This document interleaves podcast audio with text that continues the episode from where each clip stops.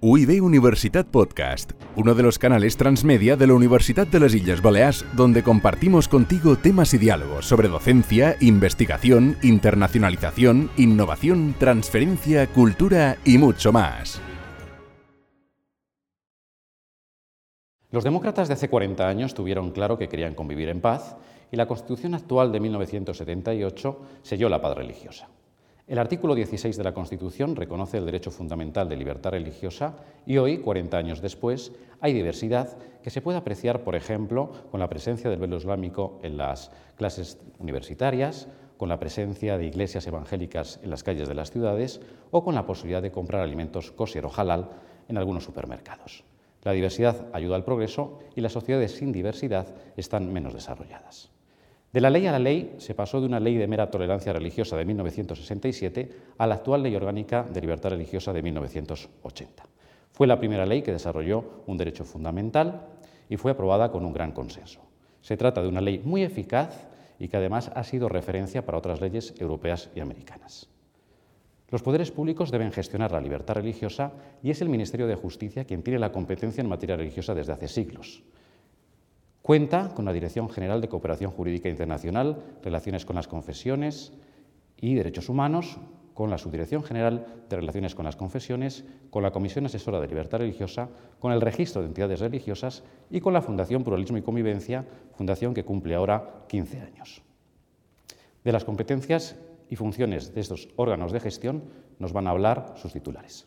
Con esta grabación pretendemos mostrarles cuál es la labor que lleva a cabo la Administración Pública gestionando el hecho religioso. Se trata de una función que llevan a cabo de forma silenciosa, callada y con mucho empeño. Por eso creemos que es importante darle visibilidad. Por eso vamos a contar hoy con las cuatro titulares del Ministerio de Justicia que se cuidan precisamente del hecho religioso. A modo de introducción, les presentamos de forma muy breve unas palabras del decano de la Facultad de Derecho y de la secretaria general de la Universidad de las Islas Baleares. Eh, bien, este ciclo de conferencias que, hoy inauguramos eh, sobre el 40 aniversario de la Ley Orgánica de Libertad Religiosa, eh, pues sin duda es un tema de interés y es un, es un momento muy oportuno para organizarlo, porque eh, se cumple eh, un aniversario destacado de las principales fuentes normativas del derecho eh, a la libertad religiosa. precisamente pues, el año pasado celebramos el 40 aniversario de la Constitución, este año se celebra, si no me equivoco, el, el, 40 aniversario de los acuerdos entre el Estado español y la Santa Sede, y eh, en breve, el año que viene, eh, se celebrará el 40 aniversario de esta ley orgánica de libertad religiosa. Por tanto, eh, tema de interés y momento muy apropiado para, para analizar esta cuestión. Todos los aniversarios nos sirven para reflexionar sobre las normas que cumplen años. Pocas normas, pero se encuentra en una situación social tan diferente desde su aprobación hasta ahora como la que vamos a tratar en, esta, en este ciclo de conferencias. La situación social ha cambiado mucho en estos 40 años en relación al hecho religioso. La realidad social actual nos presenta un panorama de pluralidad religiosa, en la que las iglesias pueden estar cerca de alguna mezquita. Puede haber aulas en colegios con la mitad de alumnos con una religión o religiones diferentes. Y en algunas empresas también se convive con este hecho. Por todo ello, la reflexión deviene todavía más interesante. La ley objeto de estudio es una ley corta y creo que prudente, que en su momento fue de consenso. Estas se han convertido precisamente en sus principales virtudes, dada su posibilidad de interpretación y adaptación a la situación y valores actuales. La realización de una valoración crítica de la Ley Orgánica de Libertad Religiosa, la interpretación de la misma de acuerdo con los valores actuales y los cambios sociales producidos en estos años son temas especialmente interesantes, no solo para el debate, sino también para una adecuada aplicación práctica de la norma o, por qué no, nuevas propuestas de futuro. Y a mí me gustaría a partir, sabiendo que usted tiene a su cargo pues, la gestión pública de la libertad religiosa del Ministerio de Justicia, que todas las directrices, las iniciativas parten un poquito de, de su dirección, pues preguntarle cómo hacen ustedes para agrupar dos temáticas tan distintas, o quizá no, no lo sé, como son la cooperación jurídica internacional por un lado y las relaciones eh, con las confesiones religiosas por otra. Si nos puede explicar un poquito pues, cómo funciona su día a día y cómo interactúan en estas competencias. Ciertamente la Dirección General de Cooperación Jurídica Internacional, Relaciones con las Confesiones y Derechos Humanos es una, una unidad dentro del Ministerio de Justicia que, reviste cierta complejidad en su gestión porque eh, es muy amplia eh, y tiene a su cargo importantes competencias, sobre todo en materia internacional y, en materia también de, gestión pública del hecho religioso y de la relación con las confesiones. Em, la la forma en la que esta, esta, gestión se lleva a cabo en el día a día es a través de la, de la estructuración en sus direcciones generales, lógicamente, como, como ocurre en, en, otras partes de la Administración. Digamos que la, eh, se aglutina luego en la, en, la dirección de la, de la, unidad, pero son las, dirección, las subdirecciones generales las que llevan a cabo una gestión diferenciada en gran medida, aunque con, vasos comunicantes como, como ahora les explicaré, y con, sinergias indudablemente, pero cada una lleva a cabo la gestión de su área de competencia eh, de manera diferenciada. En este sentido, la Dirección General pues, tiene eh, tres subdirecciones generales y, dos divisiones que no tienen rango de subdirección general, pero que tienen también competencias diferenciadas. Em, Cooperación Jurídica Internacional es básicamente la subdirección que se encarga de la gestión, de la aplicación de los convenios internacionales eh, multilaterales y bilaterales en materia de cooperación jurídica internacional, tanto en materia civil como penal, y que abarca eh, cuestiones eh, fundamentalmente asistencia judicial internacional, tanto civil como penal, eh, extradiciones, eh, todos los convenios de extradición y las relaciones de extradición, se elevan a Consejo de Ministros eh, las propuestas de, extradición y traslado de personas condenadas. Son unos convenios que tienen un marcado carácter humanitario, ya que tratan de, propiciar el cumplimiento de las condenas em, por parte de personas que han sido condenadas en otro país, en su país de origen, y en este caso, pues, em, se, impulsa y se promueve el que los españoles condenados en el extranjero puedan venir a cumplir la condena en su país, cerca de, sus familias. Eh, también aspectos civiles de la sustracción internacional de menores eh, a través de los convenios de la Conferencia de la Haya de Derecho Internacional Privado y, mm, y otro tipo de convenios en materia de asistencia judicial internacional que, conforman un, abanico muy amplio de las relaciones eh, judiciales internacionales, las relaciones jurídicas eh, de nuestro país con, otros países. Eh, esto implica también la, negociación de convenios bilaterales para ampliar ese marco jurídico y, en ese sentido una, subdirección con una, con una, gran carga de trabajo y, con, y de una gran relevancia. Luego la segunda eh, pata, digamos, de la Dirección General la constituye la Subdirección de Relaciones con la Unión Europea y otros organismos internacionales en materia de justicia y se ocupa de toda de, la presencia del Ministerio de Justicia en organismos internacionales y en la negociación de instrumentos multilaterales, tanto en la Unión Europea como en Naciones Unidas, en el Consejo de Europa, en la OCDE, OSCE y, cualquier otro organismo internacional que, em, que se ocupe de una u otra forma de, los temas em, del Ministerio de Justicia. Se coordina la posición del Ministerio de Justicia dentro de la posición del Gobierno también para, para formar la voluntad del Estado a nivel internacional y, mm, y, se, y se, cubren, eh, se cubre la presencia, en definitiva, de, del Ministerio de Justicia a nivel internacional en, en, todo tipo de foros. Es también una, un, una competencia muy amplia y de una enorme relevancia porque eh, en el ámbito internacional, señaladamente en la Unión Europea, pero no solamente en, en Bruselas, sino también en otros foros, en otras instancias internacionales, se toman decisiones de una enorme relevancia y de un impacto, em, de un impacto decisivo en el marco jurídico eh, español, con lo cual em, la, presencia y la, la, fijación de una posición adecuada y la incardinación de, de la toma de decisiones en el, después en el marco jurídico interno, pues eh, es un trabajo jurídicamente muy, muy relevante y, en ocasiones muy fino, porque implica modificaciones normativas o, tratar de que no se produzcan o, tratar de impulsar la incardinación de nuestro marco jurídico en ámbitos eh, internacionales más, más amplios. Y mm, en función, eh, eh, dependiente en gran medida de esta subdirección, eh, se, encuentra una competencia que además se ha, em, se ha añadido recientemente y, que me sirve además para, conectarlo con, con, la siguiente, que es materia de derechos humanos.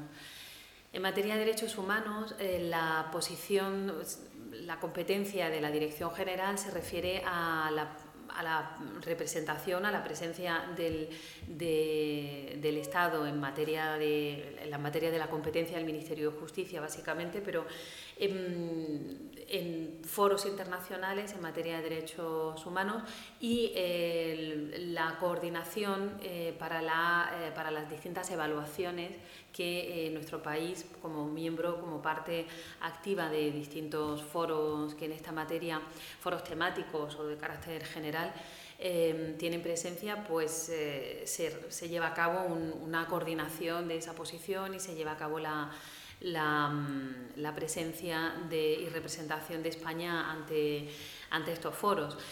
Y en la misma medida, una competencia que se, que se añadió, aunque ya se venía realizando este trabajo de, coordinación con el Ministerio de Asuntos Exteriores en esta materia y de, y de fijación de la posición de, España en materia de, la dimensión internacional de los derechos humanos, se ha añadido una em, competencia eh, que trata de de cerrar el círculo de eh, las evaluaciones y, la, eh, y el cumplimiento, el, impulso del cumplimiento por parte de España de los pactos y convenios internacionales en, materia de derechos humanos. Entonces, en la, en la Dirección General, se, desde hace un año y poco, se lleva a cabo una labor Em, de manera estructurada. No es que antes no se hiciera, pero en este momento se le ha dado una, eh, se le ha dado carta de naturaleza en el Real Decreto de Estructura, digamos, ¿no? que es el, la Biblia de, de, los órganos administrativos. Em, pues una actuación, una, una, actividad de coordinación con otros ministerios y de seguimiento del cumplimiento por parte de España de sus compromisos internacionales en materia de derechos humanos. Em, se trata de una, de una, función también de una enorme relevancia porque em, cierra el círculo, cierra el, el, esquema de eh, compromisos, eh, evaluaciones y seguimiento del cumplimiento de, de los resultados de esas evaluaciones. Y con ello em, conecto con la, tercera eh, subdirección, que es la subdirección de Relaciones con las Confesiones, de la que Mercedes Murillo es titular. Y mm, porque la, Subdirección General de Relaciones con las Confesiones tiene una dimensión, lógicamente, de relación institucional con confesiones religiosas y también una dimensión eh, de gestión administrativa en cuanto a la gestión del, registro de entidades religiosas. Pero em, tiene también, y en eso hemos querido eh, insistir, una dimensión de impulso del ejercicio de un derecho fundamental. Y en este sentido, el, asignar al Ministerio de Justicia y en concreto a la Dirección General un papel en, el impulso, seguimiento y coordinación em, del respeto a los derechos humanos em, con carácter general en el ámbito de competencia del Ministerio de Justicia, pues toca de manera muy específica en el caso del de el derecho fundamental consagrado en el artículo 16 de la Constitución. Y así eh, se, ha querido em, conectar esa doble dimensión em, de la relación con las confesiones religiosas, es decir, eso eh, toca a la, gestión pública, luego tendremos quizá más ocasión de hablar sobre, el tema, pero toca la gestión pública de, del hecho religioso y a la relación institucional. Em, pero también insistir en esa dimensión de, de la diversidad religiosa, del ejercicio de un derecho fundamental eh, en condiciones de, en condiciones de libertad, de, pluralidad y removiendo los obstáculos que impiden su libre ejercicio, como, como señala la propia Constitución. Así que en un, espero no haberme extendido demasiado, pero de un plumazo un poco la la, función que llevamos a cabo en, la Dirección General y cómo se incardina la relación con las confesiones y la, gestión pública del hecho religioso dentro de, su, eh, de su ámbito competencial. Además, bueno, luego a lo mejor tendremos ocasión de hablar sobre el tema, pero em, la, proyección internacional de la Dirección General también le confiere una posición privilegiada para abordar eh, la proyección de, esta competencia también a nivel internacional. Y un poco al hilo de lo que nos estaba contando ahora, eh, en, este, en estos últimos años, ¿cuáles han sido las principales quizá novedades que desde la dirección se han llevado a cabo en materia de libertad religiosa? Me refiero, por ejemplo, a declaraciones de notorio arraigo, al reconocimiento de los matrimonios precisamente de las confesiones que tienen concedido el notorio arraigo. ¿Nos puede dar un poquito unas pinceladas de qué destacaría usted en cuanto a novedades? Sí, em, la verdad es que las novedades son, son muchas y bueno, en gran medida están vinculadas al, crecimiento de la diversidad del hecho religioso en, nuestra sociedad y en, nuestro marco jurídico. Eh, y también eh, están vinculadas a la adaptación de esta gestión pública del hecho religioso, adaptación a, nuevos paradigmas, por ejemplo, en materia de, tecnología, ¿no? de nuevas tecnologías, pues propiciar una gestión eh, del registro que, sea, que, incorpore eh, las facilidades de las nuevas tecnologías. Quizá la subdirectora luego también puede eh, ampliar, ampliar esta, esta, cuestión, pero, pero eso creo que ha sido uno, uno, de los cambios también importantes y que además no, no, cabe infravalorar porque, porque tiene un impacto directo en la, en la relación de los ciudadanos con, un instrumento público como es el registro, ¿no? Facilita enormemente la, gestión del registro y les permite eh, con, agilidad y con, inmediatez eh, acceder a los datos del registro y obtener las, eh, pues las funcionalidades que, le, permite. así que sin estar directamente relacionada con el ejercicio de la libertad religiosa, porque al fin y al cabo no deja de ser una cuestión administrativa, pero, mm, pero creo que es la labor eh, y la obligación de los poderes públicos, el, el, mejorar las condiciones en las que los ciudadanos realizan y ejercitan sus derechos. Y en este sentido, las nuevas tecnologías ofrecen una gran, eh, una gran, grandes posibilidades que mm, que aunque no esté relacionada directamente con el hecho religioso, pero que no cabe infravalorar. Eh, también han afectado a los acuerdos. En, en, 2011 el Real Decreto que desarrolla el acuerdo con, la CIE facilitó la, incorporación de, las numerosas comunidades islámicas que, hasta entonces no estaban incorporadas y eso también ha facilitado, la, ha facilitado su gestión. Eh, se han modificado también eh, los acuerdos relativos al matrimonio tras la reforma de la legislación del registro civil. Eh, se ha adoptado recientemente también un nuevo Real Decreto que regula la Comisión Asesora de Libertad Religiosa para mejorar justamente la presencia de confesiones con notorio arraigo que ya están representadas junto a, católicos, evangélicos, judíos, musulmanes, mormones, budistas y ortodoxos. Entonces se le ha dado una mayor eh, diversidad. También se han añadido funciones nuevas que la la elaboración de informes anuales sobre la situación de la libertad religiosa en España, que, que permiten también eh, llevar a cabo un proceso de reflexión entre todas las confesiones y la Administración sobre, sobre temas concretos. Em, se ha regulado el, procedimiento de declaración de notorio arraigo eh, en España, de forma que eh, también las confesiones con notorio arraigo pues, ganan en, seguridad y en, y en garantía para, para, los individuos y para los propios grupos religiosos. Eh, esto también, sin necesidad de... Eh, se ha regulado también, se ha facilitado em, en el Código Civil que, que, el Estado otorgue eficacia civil a matrimonios eh, celebrados por otras confesiones religiosas, que hasta, hasta el momento estaba más limitado a, a solo algunas. ¿no?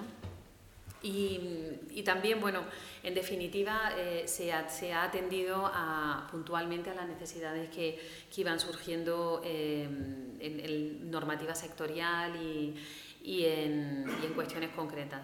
Y quisiera subrayar en este sentido que, la, colaboración del Ministerio de Justicia con la Fundación en estos 15 años que acaba de cumplir, pues también ha, han tenido un enorme impacto en el tratamiento de la, diversidad del hecho religioso, em, pues está pasando a un plano más institucional y está adquiriendo una relevancia institucional que a lo mejor hasta, hasta el momento no tenía. Directora, y en este último año, un poco ¿Qué actividades se han realizado conjuntamente con otros ministerios desde mm. su dirección? Bien, em, la posición de la Dirección General y del Ministerio de Justicia en la gestión del hecho religioso y en la gestión de la diversidad em, implica que, cualquier cosa, es decir, van, a ser muy pocas cosas las que vamos a poder hacer solos. La gestión del registro y las relaciones institucionales. Eh, casi que cualquier otra cosa es necesario coordinarla con otros ministerios. Entonces, responder a esa pregunta realmente nos llevaría toda la mañana y parte de la tarde, ¿no? porque, em, eh, porque la posición de la, de la, Subdirección General de Relaciones con las Confesiones em, y, en nombre del Ministerio de Justicia es justamente esa, es mm, coordinarse e intermediar con, las autoridades competentes y con la distancia correspondiente en cada caso para atender las necesidades que van surgiendo de manera concreta. Entonces, em, digamos que la coordinación con otros ministerios es la base, es la esencia de la, de la, de la función de la dirección general, es básicamente eso.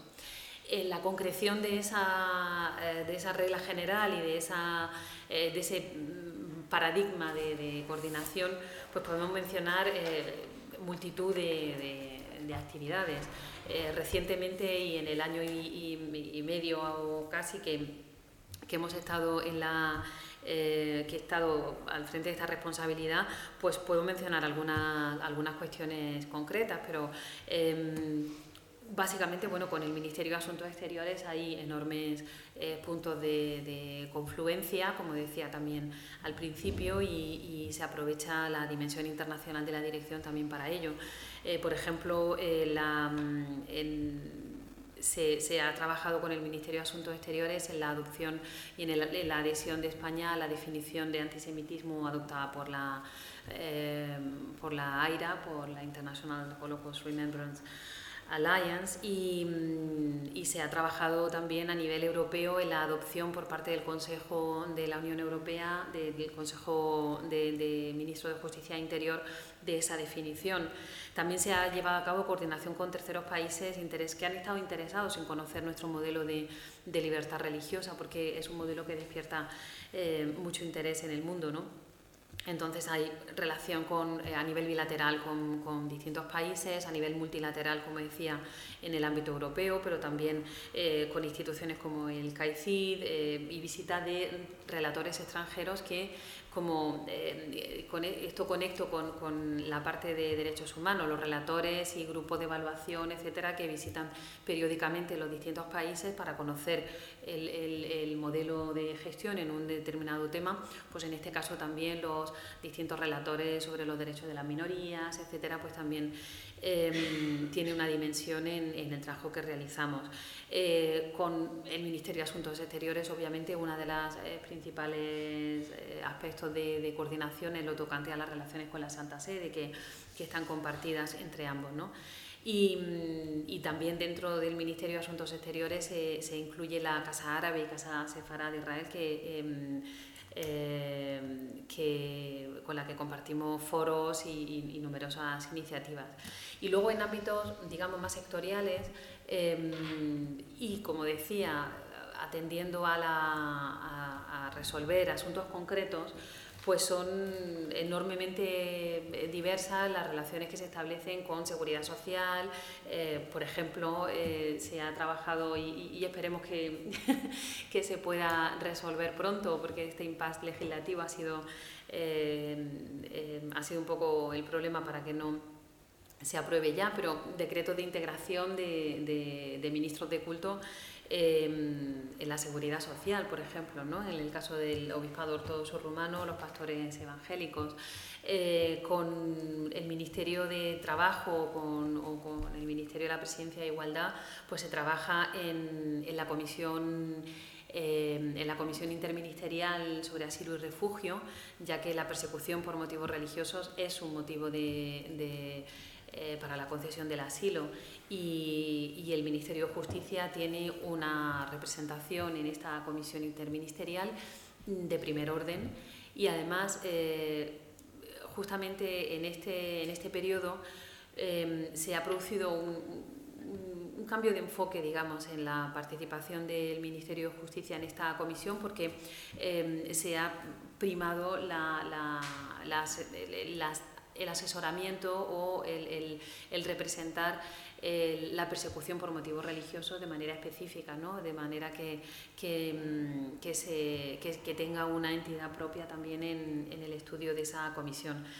Obviamente con el Ministerio del Interior hay un montón de, foros de, coordinación y de diálogo en materia de prevención del discurso de odio, prevención de la radicalización violenta y existen una cantidad de, planes y de estrategias nacionales en las que estamos siempre presentes em, para aportar esa visión.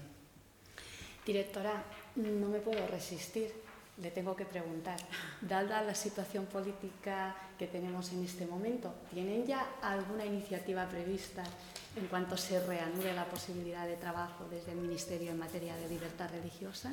Bueno, la verdad que, que, eh, justamente yo tampoco me puedo resistir a contestarle. Em, la formación de, de, los equipos es una cuestión que no, eh, que no afecta al día a día de, la gestión, de la, de la, gestión de todas las competencias del Ministerio, de manera que hay una serie de, de, mm, cuestiones que, digamos, siguen su, siguen su curso, siguen su canal y que, y que no dependen eh, de, las coyunturas políticas. Y en ese sentido no, no, se ha, no se ha modificado lo sustancial el trabajo de la dirección. Em, iniciativas de corte político, pues corresponde a los responsables en cada momento establecer las instrucciones y las directrices y los, eh, la continuidad o los cambios de paradigma que, se deseen, pero la verdad es que no es el momento de, pronunciarse porque, porque, como bien dice, em, los cambios de política pues corresponden a, la, a los cambios políticos. Bueno, pero están trabajando ustedes en algo que crea que de forma inminente más o menos pueda ver la luz, algún proyecto que tengan a punto y que crean que más o menos pues nos puede dar un poco la exclusiva. No, pero es que... no vamos a hacer spoilers. Ah, ha comentado usted que tenían relaciones con ah, distintos países que estaban interesados un poco en el modelo que teníamos nosotros de gestión pública de la libertad religiosa. Me gustaría, si podía ampliar un poquito más esta cuestión, explicarnos pues un poco en qué países cree que hemos influido, con quiénes hemos tenido un poco más de relación, que hayan mostrado especial interés, si puede. Sí, pues sí, efectivamente la, ha habido, ha habido visitas a lo largo de este, de este año y pico, ha habido, hemos tenido eh, hemos recibido visitas a delegaciones extranjeras, por ejemplo, de países como Vietnam o, Bosnia, que, se han interesado por el modelo. ¿no? Normalmente coincide, eh, quizá en quizá en este ámbito la organización de los distintos estados no es tan homogénea como en otros ámbitos. ¿no? Quiero decir, en materia de cooperación jurídica internacional, por poner otro, otro ejemplo de, una competencia mm, de la Dirección General, pues los interlocutores están mucho más eh, establecidos ¿no? y son más homogéneos porque están todos prácticamente em, de manera eh, homogéneas situados en el Ministerio de Justicia o tal.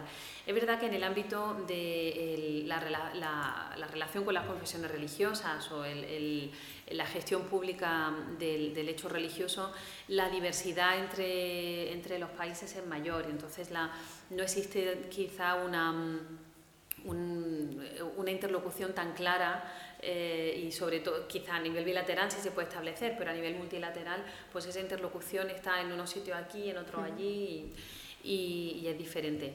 Pero, pero por supuesto nosotros recibimos siempre eh, con, con, mucho agrado la, la visita de, de países que quieran conocer el modelo y como digo, en, esta, en este periodo pues se ha, se ha recibido a una delegación de Vietnam que estaba interesada o a una delegación de Bosnia, también eh, eh, países eh, como Arabia Saudí o Emiratos Árabes que a lo mejor están además inmersos en un, en un proceso interno también de transformación y de, de, reflexión sobre, sobre esta materia, pues se interesan por nuestra forma de, abordar el hecho religioso y, lógicamente también pues ha habido contactos y hay permanentemente contactos con embajadas de países de la Unión Europea para, para, intercambiar puntos de vista, para conocer eh, cómo ellos eh, resuelven determinadas cuestiones, para que ellos conozcan eh, cómo las resolvemos nosotros. Es decir, todos los países que eh, de una u otra forma pues, eh, afrontan o, se, o están inmersos en un proceso de reflexión para, para adoptar cambios a nivel interno en su forma de abordar la gestión pública del hecho religioso, lo primero que se hace, e incluso en España pues también eh, lo hacemos hacia afuera, lo primero que se hace es conocer cómo lo hacen otros países. Eso siempre aporta mucha luz y aporta ideas y, y, em, digamos una e, elimina el horror este de la página en blanco de bueno cómo lo hago ¿no? pues siempre se aprende de unos de otros. Eh, con lo cual, bueno, sí, ha habido, ha habido importantes eh, contactos en ese sentido y, también a nivel multilateral, em, em, como digo, en la, en la, Unión Europea o, o en otros foros, pues se, aborda esta cuestión. Em, quizá en aspectos parciales, ¿no? Por ejemplo, la lucha contra eh, el antisemitismo o, la, lucha contra los delitos de odio por motivos religiosos, o fin, se, adoptan eh, distintas, distintos enfoques. Luego también un ámbito internacional que para España es muy importante y que tiene una, una dimensión em, una dimensión de, en política internacional muy relevante es el ámbito iberoamericano y desde la Dirección General pues también se llevamos la gestión y, participamos activamente en la Conferencia de Ministros de Justicia de Países Iberoamericanos, un organismo internacional que tiene sede en, en Madrid y que aglutina a todos los ministros de justicia o autoridades análogas de, del ámbito geopolítico iberoamericano. Hasta ahora no se ha explorado la relación eh, en, esta materia, se, abordan cuestiones relacionadas con, el, con las competencias del Ministerio de Justicia, como acceso a la justicia o... Em, las nuevas tecnologías en, la Administración de Justicia, la cooperación jurídica internacional y hasta ahora no se ha abordado la gestión de, quizá por, esta, mm, por esto que decía de que no en todos los países es competencia del Ministerio de Justicia, en algunos es competencia de, Relaciones Exteriores o, no existe una eh, unidad orgánica específica que, aborde eh, las relaciones con las confesiones, pero podría ser interesante, eh, entendemos, plantear un, una, eh, una relación quizá en este ámbito con, países iberoamericanos, ¿no? que tienen en algunos, en algunos puntos tienen, eh, confluimos en intereses. Directora, ha comentado usted en relación, ha mencionado por encima la cuestión del antisemitismo.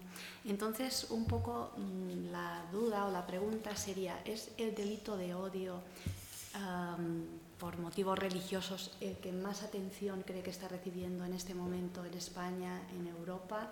Mm, ¿Cómo tiene usted el termómetro a partir de la posición que está ocupando ahora?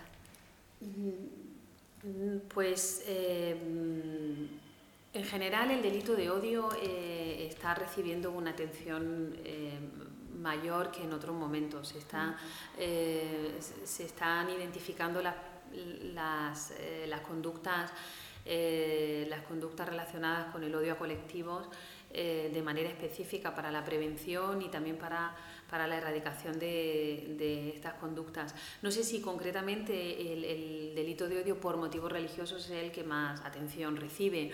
Eh, los delitos de odio por, por en sí mismos ya son, son, eh, son todo importantes, es decir, porque no, eh, no estamos hablando de intolerancia religiosa o de, o de actitudes de discriminación, o de, eh, estamos hablando de, un, de, delitos cometidos por razón de, del odio a un colectivo y en ese sentido creo que todos merecen una...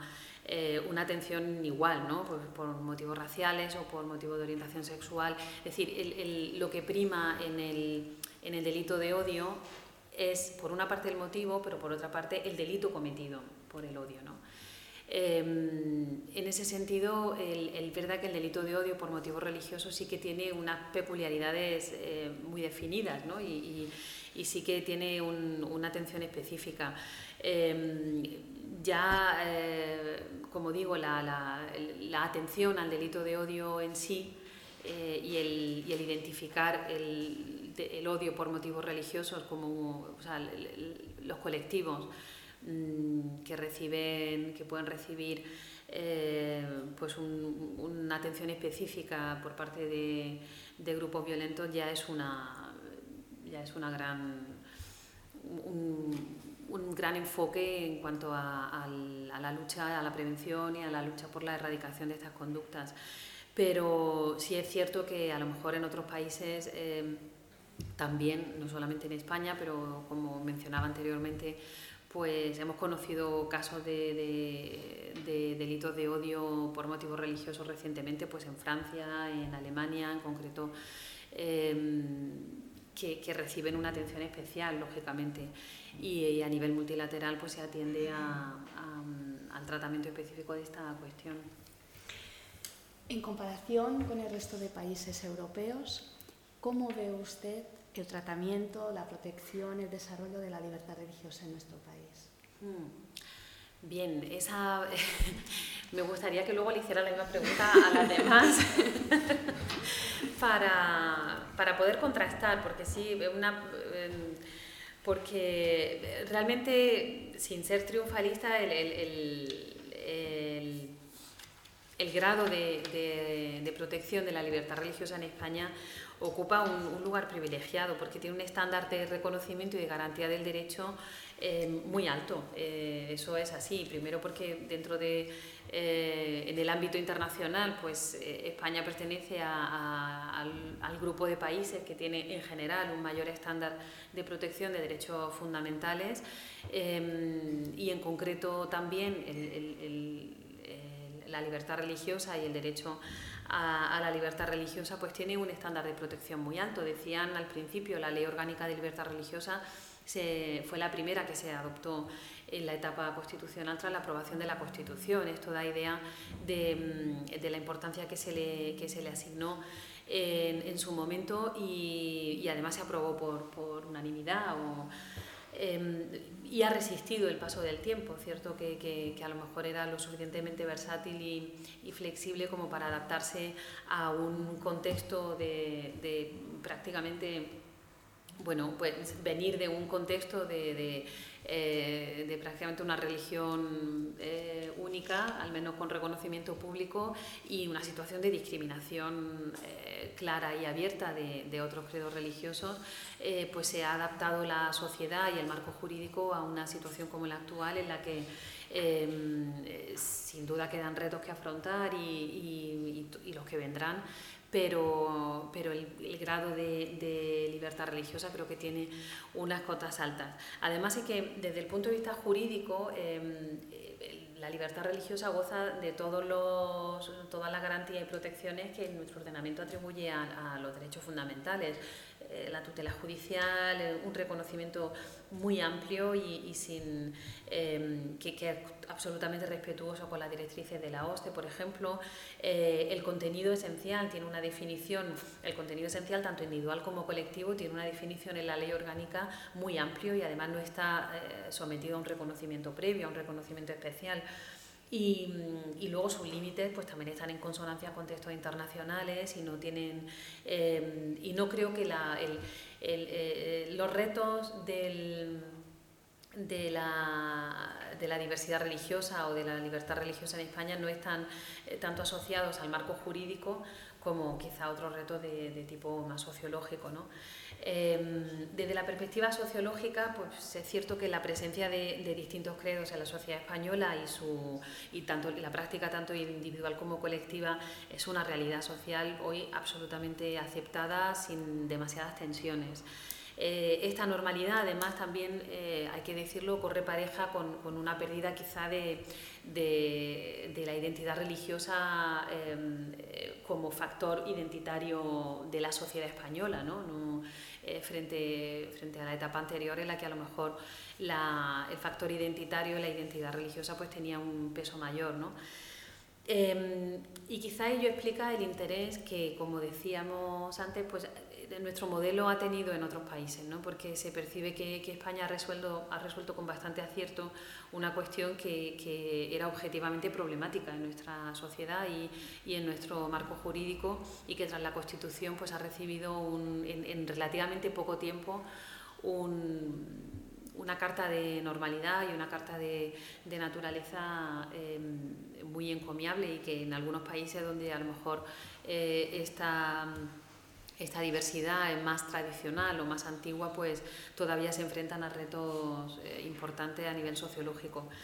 Eh, lógicamente hay que estar también eso, atentos al auge de, bueno, de determinados discursos que, tratan de, instrumentalizar eh, la identidad religiosa como parte de un discurso intolerante y, extremista, ¿no? pero, pero eso es un reto al que se enfrentan todas nuestras sociedades y, y, que bueno, con, solo, se puede, solo se puede frenar eh, insistiendo en la, en la, gestión pública del hecho religioso y en la, en la, igualdad entre las confesiones, en la neutralidad del Estado y, y en, la, en, la, diversidad eh, social desde el punto de vista religioso. Un poco como ya había adelantado la directora, quizá una de las principales aportaciones de la Ley Orgánica de Libertad Religiosa en nuestro país es justamente la creación del registro de entidades religiosas que está centralizado, que depende del Ministerio de Justicia. La primera pregunta es obligada. ¿Qué es el? ¿Qué es el registro de entidades religiosas? Bueno, muchas eh, gracias eh, Catalina. Es un placer poder compartir esta mañana eh, con todos ustedes. quisiera felicitar a la, a la, universidad en la persona de su secretaria general, a la Facultad de Derecho, al Departamento y por supuesto a los, que, los representantes del área que habéis eh, organizado y que habéis puesto un gran empeño en poder eh, bueno, pues, eh, tener esta iniciativa en, marcha. De los que trabajamos también en la universidad sabemos que no es fácil el, poderlo hacer. Bueno, a ver, dices, ¿qué es el registro? a quizá primero habría que, que, señalar que realmente el registro de entidades religiosas no se crea exactamente en la Ley Orgánica de Libertad Religiosa del año 80, es una creación de la Ley del, Derecho Civil de Libertad Religiosa del año 67, cuando en nuestro país se abre por primera vez la posibilidad de inscribir y reconocer, por tanto, públicamente a, otras, eh, a otros cultos distintos del, católico, aunque tenían una gestión absolutamente diferenciada. Por un lado estaba la gestión de Iglesia Católica, por otro la del resto de, de cultos. Cuando la Constitución se reconoce no por primera vez, pero sí por primera vez durante tanto tiempo podemos disfrutar de una libertad religiosa, eh, un reconocimiento tan, tan amplio. El primer desarrollo normativo, ya se ha dicho, es este, es este derecho en el año 80. Eh, bueno, pues uno de los aspectos en que se concreta eh, la gestión es la creación de, digamos, la creación recogiendo ¿no? Esa, ese antecedente de un registro nacional de entidades religiosas. En este registro se inscriben las iglesias, confesiones y comunidades eh, religiosas que quieren gozar de personalidad jurídica civil. Eh, eso significa que es primero un registro eh, nacional, que es un registro, que es un derecho, una inscripción, no es una obligación y por tanto los derechos que contempla la ley orgánica no están vinculados al hecho de estar o no estar inscrito, pero que una vez que decides inscribirte, ¿qué es lo que adquieres? Pues adquieres eh, personalidad jurídica como entidad religiosa, lo cual se va a traducir en que eh, voy a poder ejercitar como colectivo los derechos que contempla esa ley orgánica de libertad religiosa.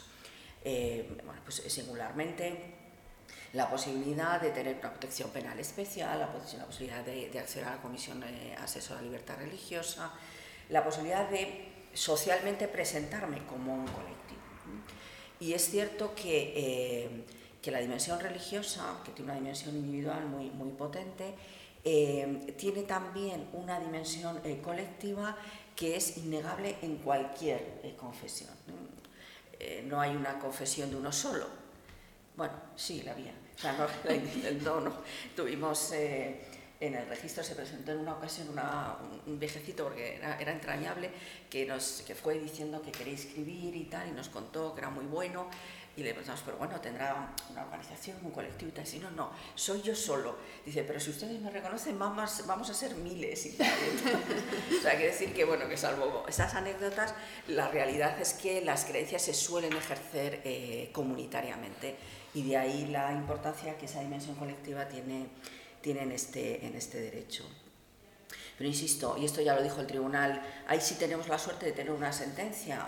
Bueno, algunos dicen que no es tanta suerte, pero eh, porque hay mucha controversia ¿no? en torno al, a la interpretación que, hay que dar a esta sentencia del año 2001, pero al hilo de la denegación de la, inscripción de la Iglesia de la Unificación, eh, bueno, el Tribunal Constitucional tuvo ocasión de entrar a fondo en lo que era la naturaleza del, registro y de la actividad registral y contamos que es la, verdad un lujo porque siempre tener una directriz que te, oriente y más desde el Tribunal Constitucional es, es, un lujo ya define qué es esa actividad, qué alcance tiene y por tanto nos marca bastante bien los límites en los cuales se desenvuelve la actividad del, del registro que básicamente es una actividad de constatación de que las entidades cumplen con los requisitos que establece la, norma y no permite entrar en la calificación o en la, en la eh, valoración de la legitimidad de las, de las creencias eh, religiosas.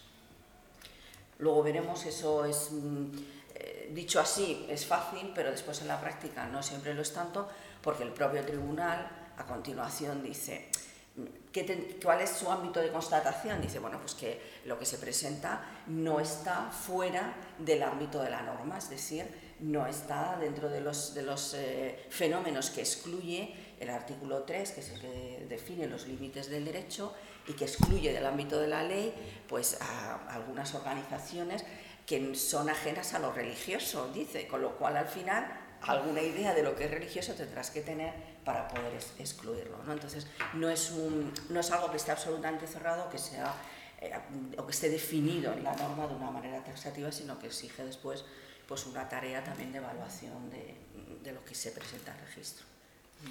En este momento, ¿Cuántas entidades tenemos inscritas en nuestro país? ¿no? Tengo la idea, no sé si correcta o no, de que pues cada año van aumentando las inscripciones en el registro. Creo que tienen ustedes muchísimo trabajo. Si nos puede aclarar un poquito esto y en qué consiste un poco el procedimiento de inscripción. Pues mira, actualmente hay inscritas 19.271. Me lo he apuntado para que no se me olvide el dato.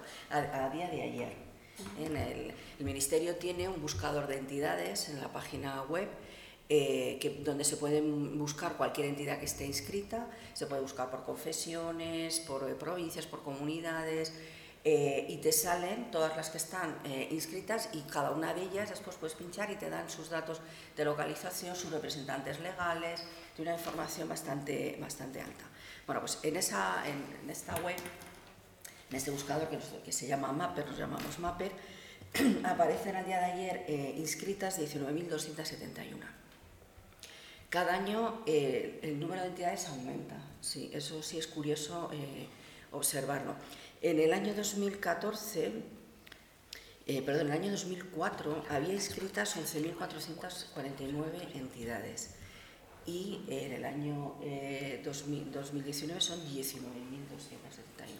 Es decir, en estos últimos años el, crecimiento del registro ha sido muy, muy importante también por hacer una idea de, qué estamos hablando. De esas 19.000, claro, no hablamos de religiones, ¿eh? hablamos de entidades jurídicas. ¿Eso qué significa? Bueno, pues que de esas 19.000, en torno a 12.000 son entidades canónicas, cofradías, hermandades, eh, órdenes, congregaciones, casas, conventos, monasterios, etc. Y en torno a las 5.000 son, son entidades vinculadas a grandes confesiones pues, comunidades musulmanas en torno a 1.700, hay 3.100, 3.200 de comunidades evangélicas, pues hay bajáis, Sikh, eh, judíos, eh, bueno, hay muchísimas paganos, la, variedad y la pluralidad de, creencias que están accediendo al registro es muy amplia. Y es cierto que el registro es bastante generoso a la hora de eh, otorgar la, inscripción, y sobre todo después de, esa sentencia que comentaba desde el año 2001. Por poner un ejemplo de este año, que también lo contabilicé, al día de, hoy, durante, desde el 1 de enero, eh, se han inscrito nuevas entidades, nuevas altas. Ha habido 407 entidades nuevas inscritas y se han cancelado 100. O sea, que tenemos un neto de 307 entidades inscritas. ¿eh? En el año 2018 eh, se dieron de alta 717 nuevas entidades y se dieron de baja 125. O sea, que el saldo neto, digamos, entre lo que se da de alta como nueva entidad y lo que se cancela es muy favorable al crecimiento de nuevas entidades, desde luego que sí. Y luego, en cuanto al procedimiento de, inscripción, eh, es, relativamente sencillo. Eh, bueno, pues tenemos un nuevo reglamento que define bastante con más precisión esos eh, requisitos. Básicamente lo que se presenta es una, además una solicitud. Bueno, pues eso sí, elevado a escritura pública, pues unos estatutos de la entidad que se pretende inscribir y un acta de su establecimiento o su creación o su fundación aquí en España. En esos estatutos, como mínimo, tienen que tener el contenido que determina la ley orgánica, que es también muy sencillo. Una denominación, eh, un ámbito eh, eh, territorial, una definición de sus fines religiosos, hechos además en términos bastante amplios, eh, bueno, pues, eh, cuál es su culto, cuál es eh, su cuerpo doctrinal, bueno, cuáles son las actividades que realiza, que no normalmente no suelen tener ánimo de lucro, etc. Y, y, luego tiene la definición de lo que es su forma de funcionamiento, que es probablemente lo más singular.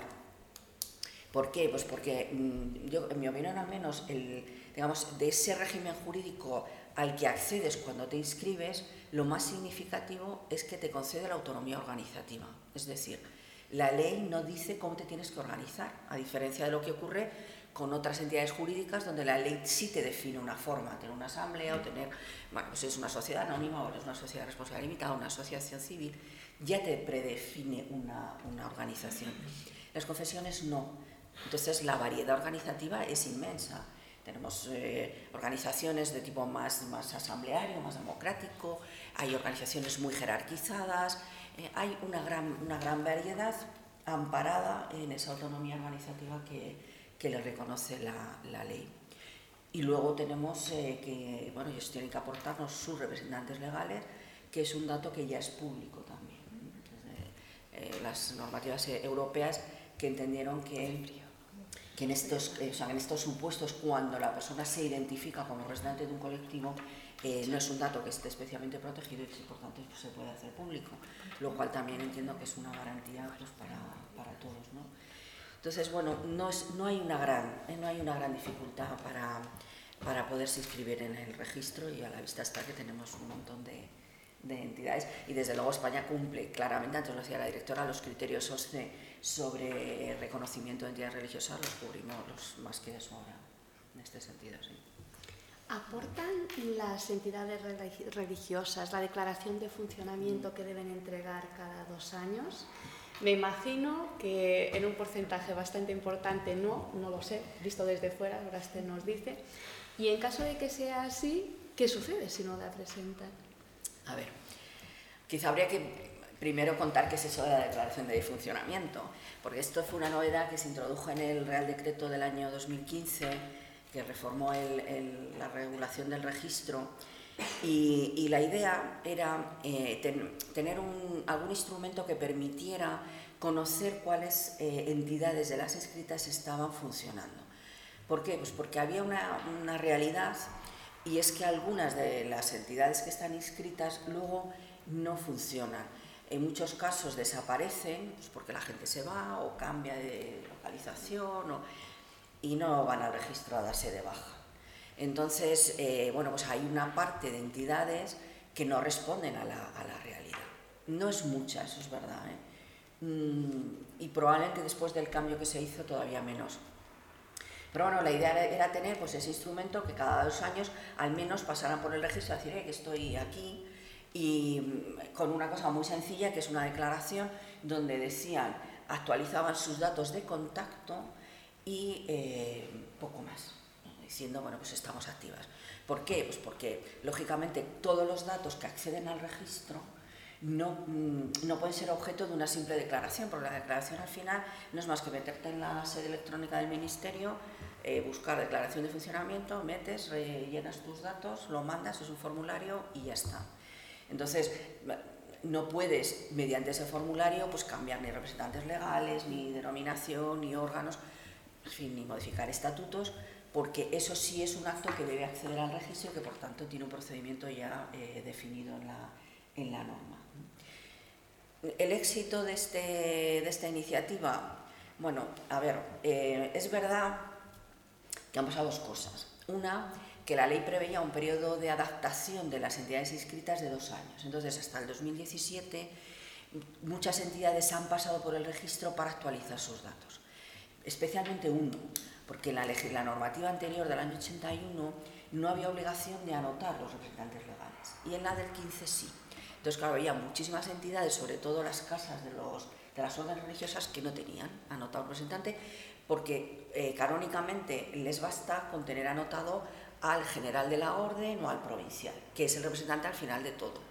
Entonces ellos estaban tan tranquilos, pero ahora no, cada entidad que tiene personalidad jurídica propia tiene que tener un representante propio, aunque sea el mismo que el de otra. Entonces, claro, eso obligó sobre todo a estas entidades a pasar por el registro y actualizar sus datos, con lo cual indirectamente se consiguió esa, finalidad de actualizar muchos registros que estaban en, eh, muchas inscripciones que estaban en el, en el registro. Desde entonces ahora, bueno, pues mm, veremos a ver cuántas recibimos. Eh, hay una dificultad añadida y es que eh, esta declaración de funcionamiento, que es del año 15, es posterior a la, perdón, sí, es, es, posterior a la puesta en marcha de la aplicación informática que, con la que se trabaja de gestión del registro. Y eh, claro, no estaba prevista. Entonces esto de la informática es todo un mundo. Y todo lo que no está previsto en su momento, tienes que hacer una nueva versión y eso es una complejidad porque claro, tienes que tocar muchas cosas. Entonces, ah, digamos, lo que queda pendiente de hacer es la conexión inmediata entre la declaración de funcionamiento que hacen las entidades y la nota marginal que se genera si no haces la declaración. Efectos muy poquitos, porque no podemos tener más. Según la ley orgánica, eh, no tenemos ninguna capacidad, como la administración, para eh, cancelar ningún registro. Solo las propias entidades o un juez puede determinar la cancelación de una, de una inscripción. Con lo cual, el único efecto es que una pequeña nota marginal que dice, pues esta entidad no ha presentado su declaración de funcionamiento desde el año tal yo creo que eso es eh, la, digamos, la eficacia o, eh, que pueda tener esta medida, yo creo que la vamos a ver más en el futuro que, que ahora mismo, que todavía está muy reciente la, la reforma del reglamento. ¿Puede ponernos algún ejemplo de no inscripción en el registro de entidades religiosas más o menos reciente? Hoy sí tenemos uno, muy reciente, jamás firmó la, la directora en enero, que, y hemos tenido la sentencia el 1 de octubre, curiosísimo porque nunca los procedimientos son tan, eh, tan rápidos, pero en este caso la verdad es que se firmó en enero la resolución de denegación y recurrieron a la Audiencia Nacional y el 1 de octubre de este año ya hay una sentencia que, eh, bueno, eh, digamos, confirmó la resolución administrativa. Era un, o es una entidad que se llama Colegio de los Infieles Acron. Entonces era una entidad bueno, lo dice la propia sentencia, que no, no tenía no tiene, fines, no, tiene, no tiene fines de nada, o sea, ni religiosos ni, ni de otro tipo, o sea, porque estaba descrito todo, era como un todos somos muy buenos y tal, y, pero no tenía un cuerpo doctrinal, no tenía unos actos de culto, o sea, no tenía ninguna definición de actividades propiamente religiosas. Entonces, bueno, no fue una, una denegación relativamente fácil, debemos de decir, ¿no? porque no, no, no, no hubo que como que generar muchísima motivación porque realmente los estatutos que presentaron eh, era muy evidente que no, no eran una entidad religiosa. Lo cual hay que advertir que el hecho de que no se inscriban como entidades religiosas no significa que no puedan tener personalidad jurídica civil, porque se pueden ir al registro general de asociaciones e incluso tener fines religiosos, porque el catálogo de actividades del nuevo reglamento del Registro Nacional de Asociaciones, que también es posterior, pero también del año 15 al nuestro, eh, admite la posibilidad de inscribir entidades, asociaciones con fines religiosos. Pero no son entidades religiosas. ¿Eh? O lo que nosotros escribimos son entidades que facilitan el ejercicio del derecho, que son el vehículo o el instrumento para el ejercicio del derecho. Entonces, claro, si esta entidad no tenía mm, ningún viso de, fin, de permitir eh, esa, esa, posibilidad, bueno, pues el, la Audiencia Nacional la verdad es que lo despachó. Es una sentencia, pues ver, muy, muy, sencilla, copia lo que dice la sentencia del 2001 y luego dice, efectivamente, copia la resolución que hicimos y luego dice, y sin más dilaciones o sin más, dice, ya está, se resuelve y y no, o sea, que, lo, debió ver, lo debió ver claro. Pero son muy pocas, ¿eh? de decir, las denegaciones tienen que ser, como están muy, muy claras, porque si no, la sentencia del 2001 nos dejó un margen muy, muy estrecho para. ¿Puede comentar un poco otros actos inscribibles en el registro de entidades religiosas, como por ejemplo la de los lugares de culto y los ministros de culto, porque claro, el registro de los ministros de culto es muy importante, ¿no? responde un poco a esa necesidad que los ministros de culto manifestaban de necesitamos algún tipo de constatación de que somos ministros de culto, un poco cómo funciona. A ver, el, registro tiene muchísima actividad eh, porque todos los datos que antes mencionaba que, hay que aportar en la inscripción, cuando se modifican, hay que ir al registro a, modificarlos. Y, además es que eso, esas modificaciones, que a veces las confesiones se quedan así un poco, mm, la, la norma es clara, no producen efectos civiles hasta que no están en el registro. Entonces es importante que tengan actualizados y que tengan al día esos datos. Y luego les pasa que voy a pedir una subvención, o los conciertos, eh, voy a firmar un concierto educativo, eh, voy a... Mm, y me falta, y, claro, no lo puedo hacer pues porque no tengo el representante legal, o el que tengo es el de hace 20 años. Y en fin, que ya pues está otras cosas. Entonces, eh, es importante que tengan actualizados esos, esos registros. Os hagáis una idea, nos decían, el otro día, cuando hablábamos con informática, y nos hablaba de que prácticamente al año hay un, un tráfico de, actos administrativos que, vinculados al registro anualmente de 17.000, o sea, entre certificados, modificaciones, inscripciones, o sea, que hay una actividad realmente eh, muy incesante. Y, y, luego es verdad que hay dos elementos mm, de anotación, que no de inscripción, en el registro, que son lugares de culto y ministros de culto. Los lugares de culto eh, no tienen personalidad jurídica civil distinta de la entidad a la que pertenece. Eh, eso es, mm, bueno, es importante porque eh, define, mm, permite definirse cada confesión como ellos les parece mejor. Por ejemplo, hay confesiones donde tienen un único registro, una única entidad que tiene un ámbito nacional, pero luego tienen anotados muchísimos lugares de culto. Dos ejemplos característicos eh, la Iglesia de Jesucristo de los Santos de los Últimos Días, eh, más conocidos como los mormones, tienen una única inscripción, una, única iglesia nacional, pero luego tienen anotados en más de 120 lugares de culto en toda España. O los testigos de Jehová también tienen inscrita la confesión y la orden, pero después tienen anotados mm, casi 800 ya lugares de culto en toda España. Mm, pero estos lugares de culto, insisto, no tienen personalidad jurídica eh, diferente. Ahora, poder tener anotada todos esos lugares de culto, claro, te da una idea de su presencia, de su implantación. Porque si no tienes la. Claro, dices, pues tienes pues son, solo son uno. No, tienen luego un montón de lugares de culto. Entonces, permiten. Luego, quizá también la Fundación nos comenten, y, ellos tienen un, eh, pues identificado ese mapa ¿no? de lugares de culto donde eh, tienen tanto entidades como, eh, lugares, ¿no? más, más, por la actividad que, que realizan. Eh, ministros de culto. bueno, este es un, un, registro que es también del nuevo reglamento, desde el año 2015. realmente este, este registro tiene como finalidad sobre todo facilitar la prueba de la condición de ministro de culto. mm, aunque el reglamento dice que deberán estar inscritos aquellos o anotados, mejor dicho, aquellos que puedan realizar actos con efectos civiles, lo cierto es, y esto ya no lo puso de relieve en los informes que emitieron toda la, la Agencia de Protección de Datos, que eso no significaba que añadiéramos un registro más al acto en el que interviene. Eso es importante tenerlo en cuenta, porque un reglamento no puede añadir un requisito de validez de ningún acto. Ahora, eso sí, eh, facilita, y de ahí que, que, bueno, pues ellos tengan interés en poderse anotar, facilita esa prueba porque con un certificado del registro que además pueden obtener telemáticamente, ellos pueden acreditar esa condición ya no solo para cuando celebra matrimonio, sino para bueno, pues acceder a una prisión para prestar asistencia, un hospital, eh, o la seguridad social, etc. Es verdad que es un registro que a nosotros nos complica, desde el punto de vista de la gestión complica, porque es un, a diferencia del, por ejemplo, el representante legal que antes decía que es un dato público, este no. Además es un dato especialmente protegido, con lo cual es un registro que no es público y por tanto desde el punto de vista de la gestión sí, sí es más complejo de, de, manejar. Pero mm, bueno, es, es, eh, es interesante.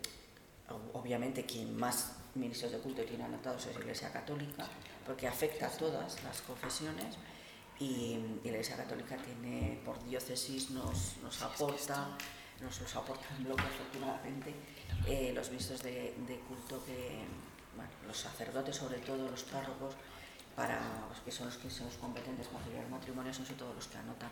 Pero es un, sí es un registro interesante. La gestión del derecho religioso está centralizada. Tenemos un caso excepcional, que es el caso de Cataluña, en el que sí que hay una descentralización de esta gestión del derecho religioso. ¿Esto ayuda, facilita o dificulta? A ver, eh, quizá haya que, o sea, yo creo que que hacer un planteamiento quizá un poco diferente. ¿Por qué? A ver, Cataluña es verdad que es la única comunidad autónoma que ha asumido estatutariamente competencias en relaciones con las confesiones religiosas.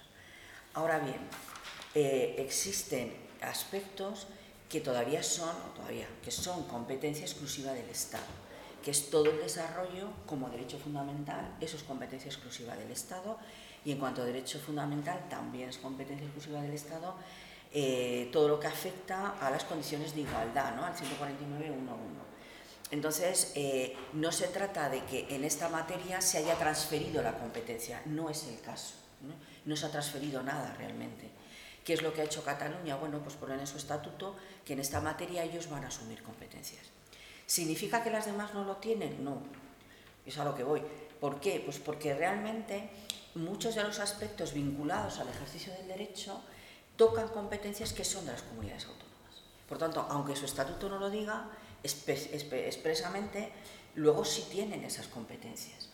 Mm, en materia, por ejemplo, de, urbanismo, son competencias autonómicas, la sanidad mortuoria, mm, eh, quieran o no quieran, esa es su competencia y el ejercicio de esa competencia afecta a algunos elementos, aspectos vinculados al ejercicio de la libertad religiosa.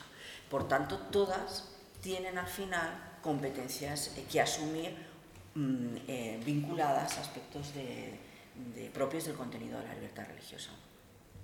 Em, desde luego, mm, yo creo que no, es una, no, dificulta. Eh, lo que es necesario es generar coordinación y, sobre todo, que las comunidades autónomas sean conscientes del el impacto que tiene sobre el derecho el ejercicio de esas competencias. Que a veces, eso sí es verdad que se les, a veces escapa un poco.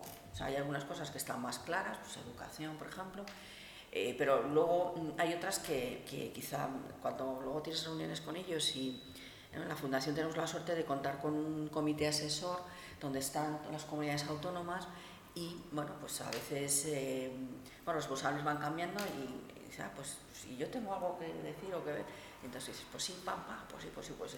Entonces, en el momento en el que son, hacen esa reflexión, enseguida entran. O sea que luego tampoco encontramos ninguna dificultad a la hora de, de sumar a las comunidades autónomas, por no hablar de los ayuntamientos, que también tienen mucho que decir en todo lo que es la gestión efectiva del, del derecho. Entonces, Eh, o sea, no, no hay que verlo como una dificultad, es una realidad de nuestro sistema, que es un sistema descentralizado y por tanto lo que hay es que generar coordinación y trabajo conjunto para poder llegar más lejos todos eh, en función de las competencias que cada uno tenemos. Una de las principales aportaciones de la Ley Orgánica de Libertad Religiosa es la Comisión Asesora de Libertad Religiosa. ¿Nos puede explicar un poquito cómo se estructura y un poco pues, cómo han estado funcionando recientemente?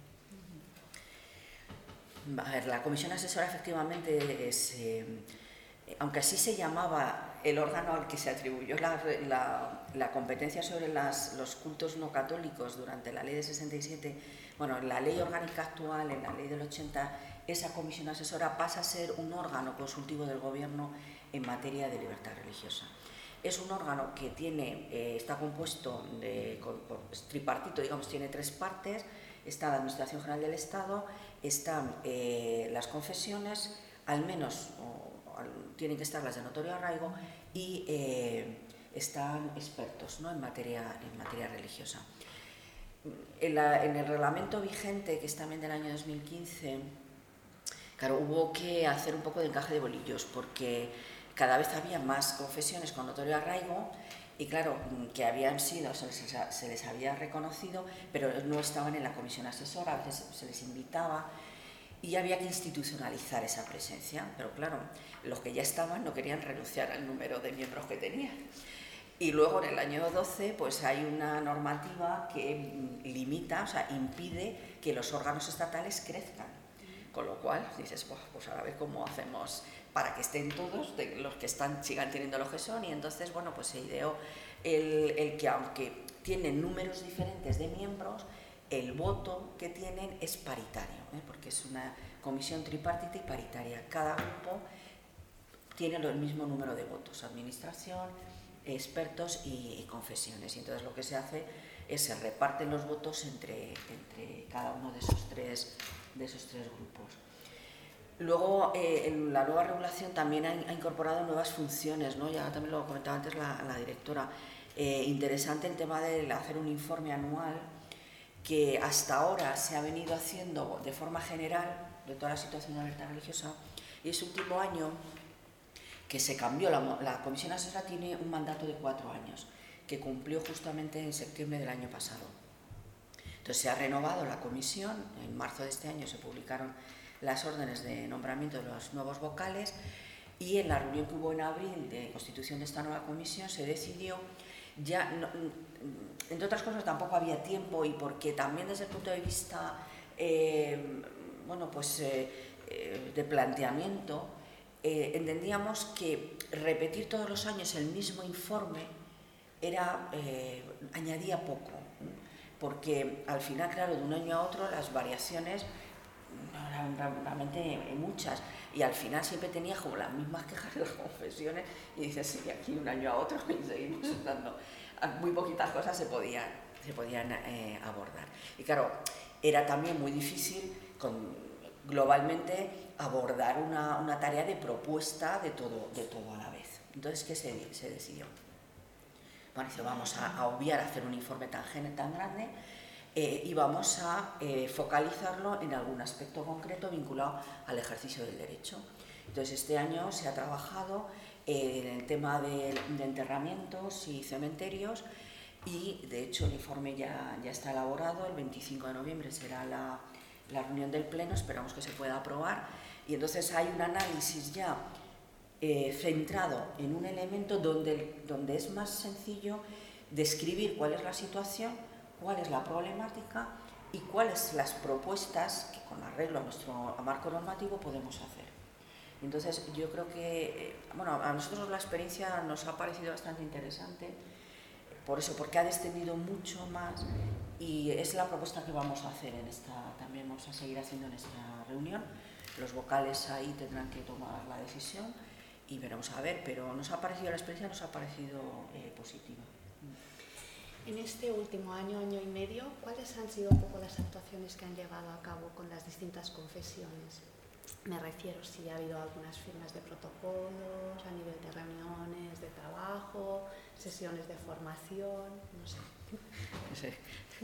Sí. Como te podemos estar a ver, todo el día.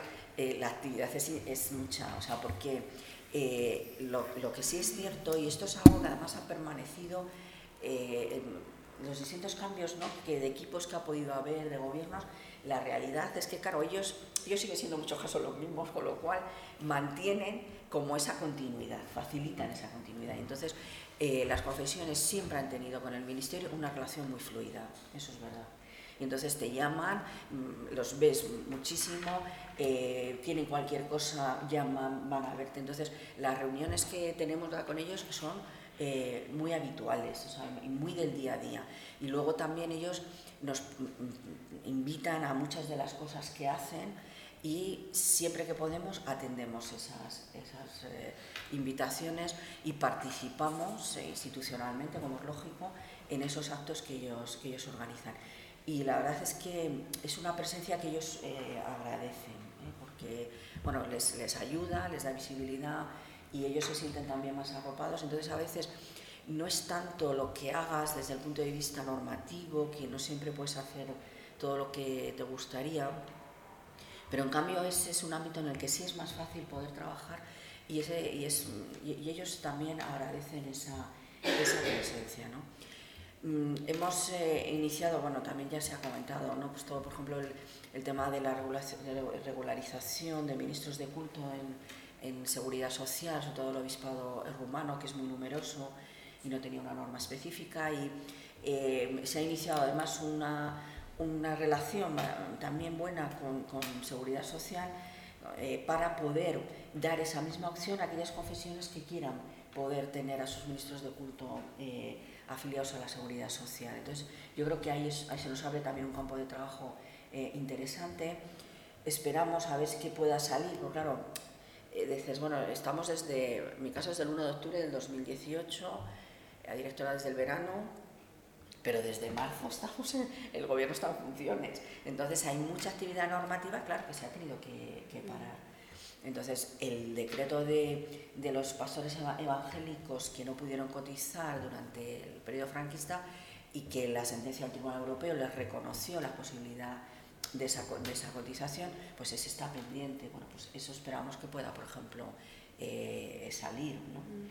y mm, bueno, pues eh, toda la actividad que se ha hecho, por ejemplo, junto con la Fundación, en, temas de lugares de, de, culto, que hemos estado también trabajando con, con ellos.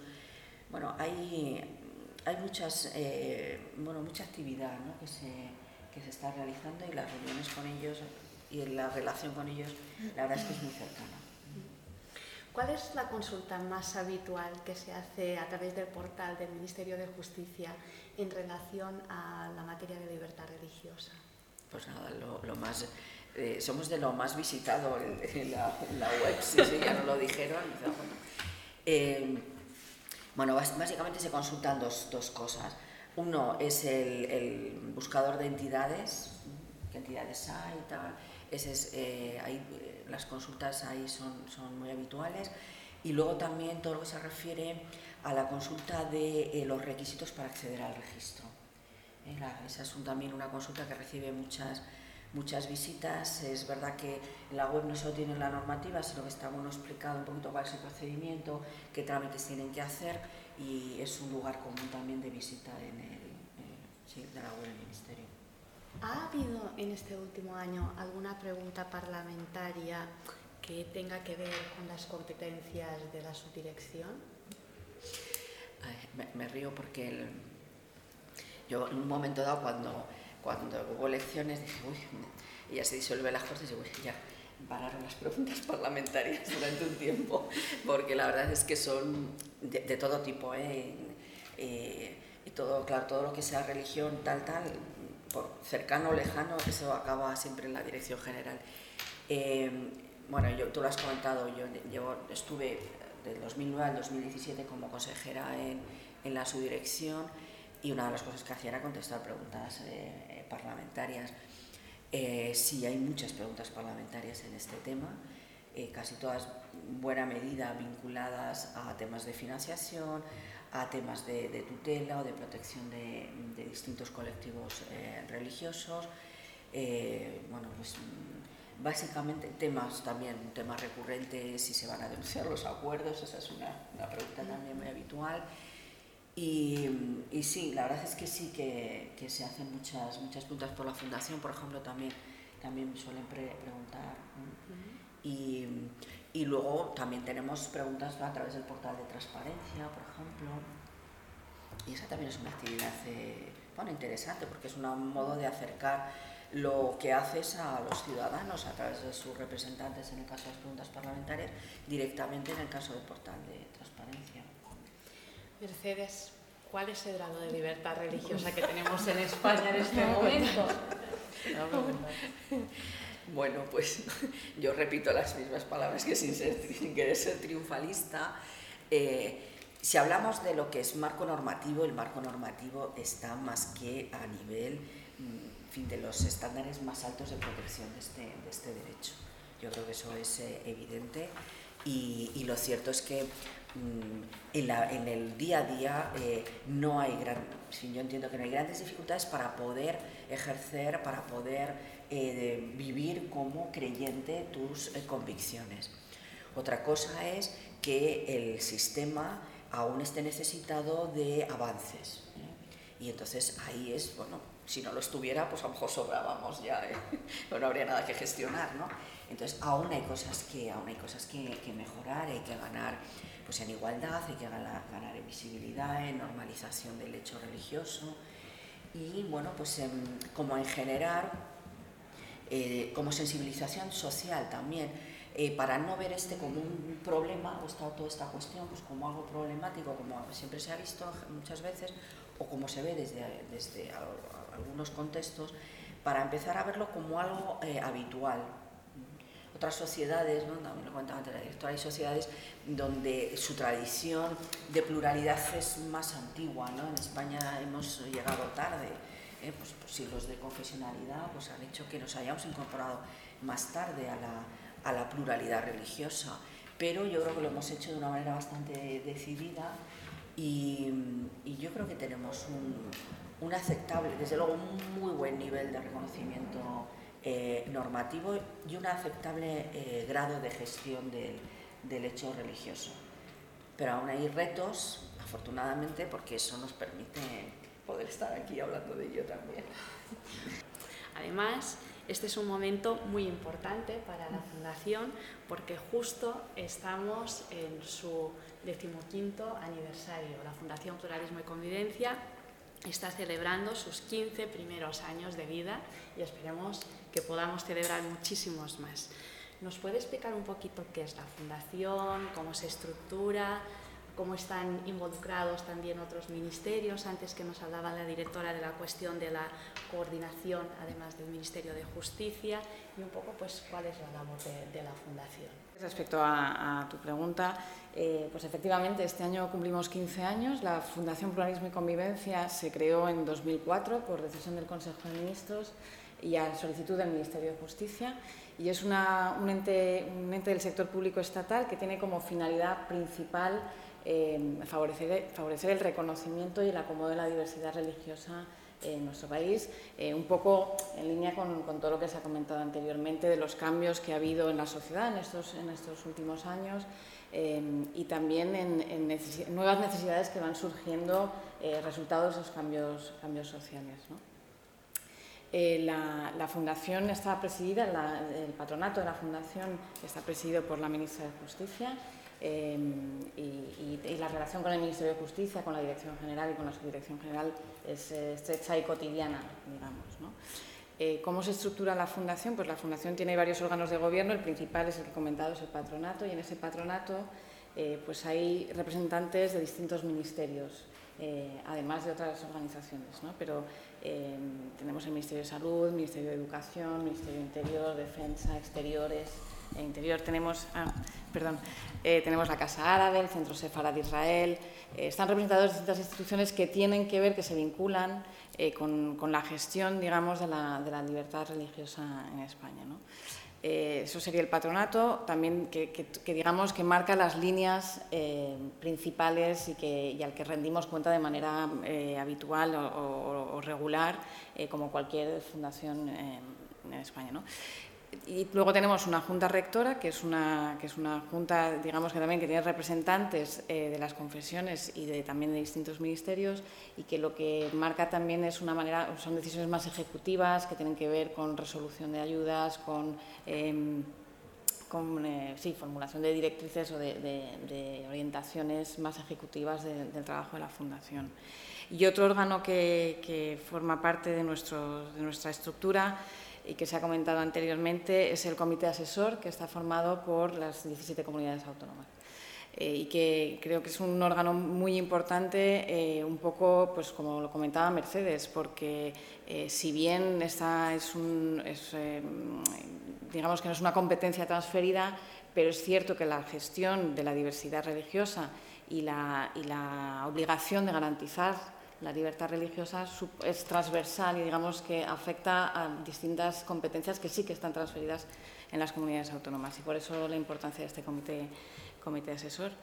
Eh, y esto es más o menos la estructura, cómo, cómo funcionamos. Por suerte, a pesar de los cambios políticos que haya en el país, la Fundación permanece. Mm. Directora, ¿cree que es la máxima expresión la Fundación Pluralismo y Convivencia del principio de cooperación establecido en el 16.3 de nuestra Constitución. Quizá es uno de los hitos más importantes de estos últimos 15 años en materia de libertad religiosa en nuestro país desde su parcialidad. Pero yo no tengo esa perspectiva de los 15 años, pero sí que sí que, y, de hecho, a, raíz de la celebración de estos 15 años de, la Fundación, es verdad que estamos teniendo todo un proceso de eh, un poco, eh, pues haciendo ese ejercicio de no solo ver el pasado, sino de ver también un poco hacia dónde vamos, pero ese ejercicio de, de dónde venimos ¿no? y qué es lo que ha, que ha sucedido en estos 15 años. Y entonces estamos teniendo conversaciones con, pues, con actores clave eh, y que han, sido y que siguen siendo clave para la Fundación. ¿no? Entre ellos, por ejemplo, con todos los directores que han pasado por esta Fundación, eh, con las confesiones, etc. ¿no?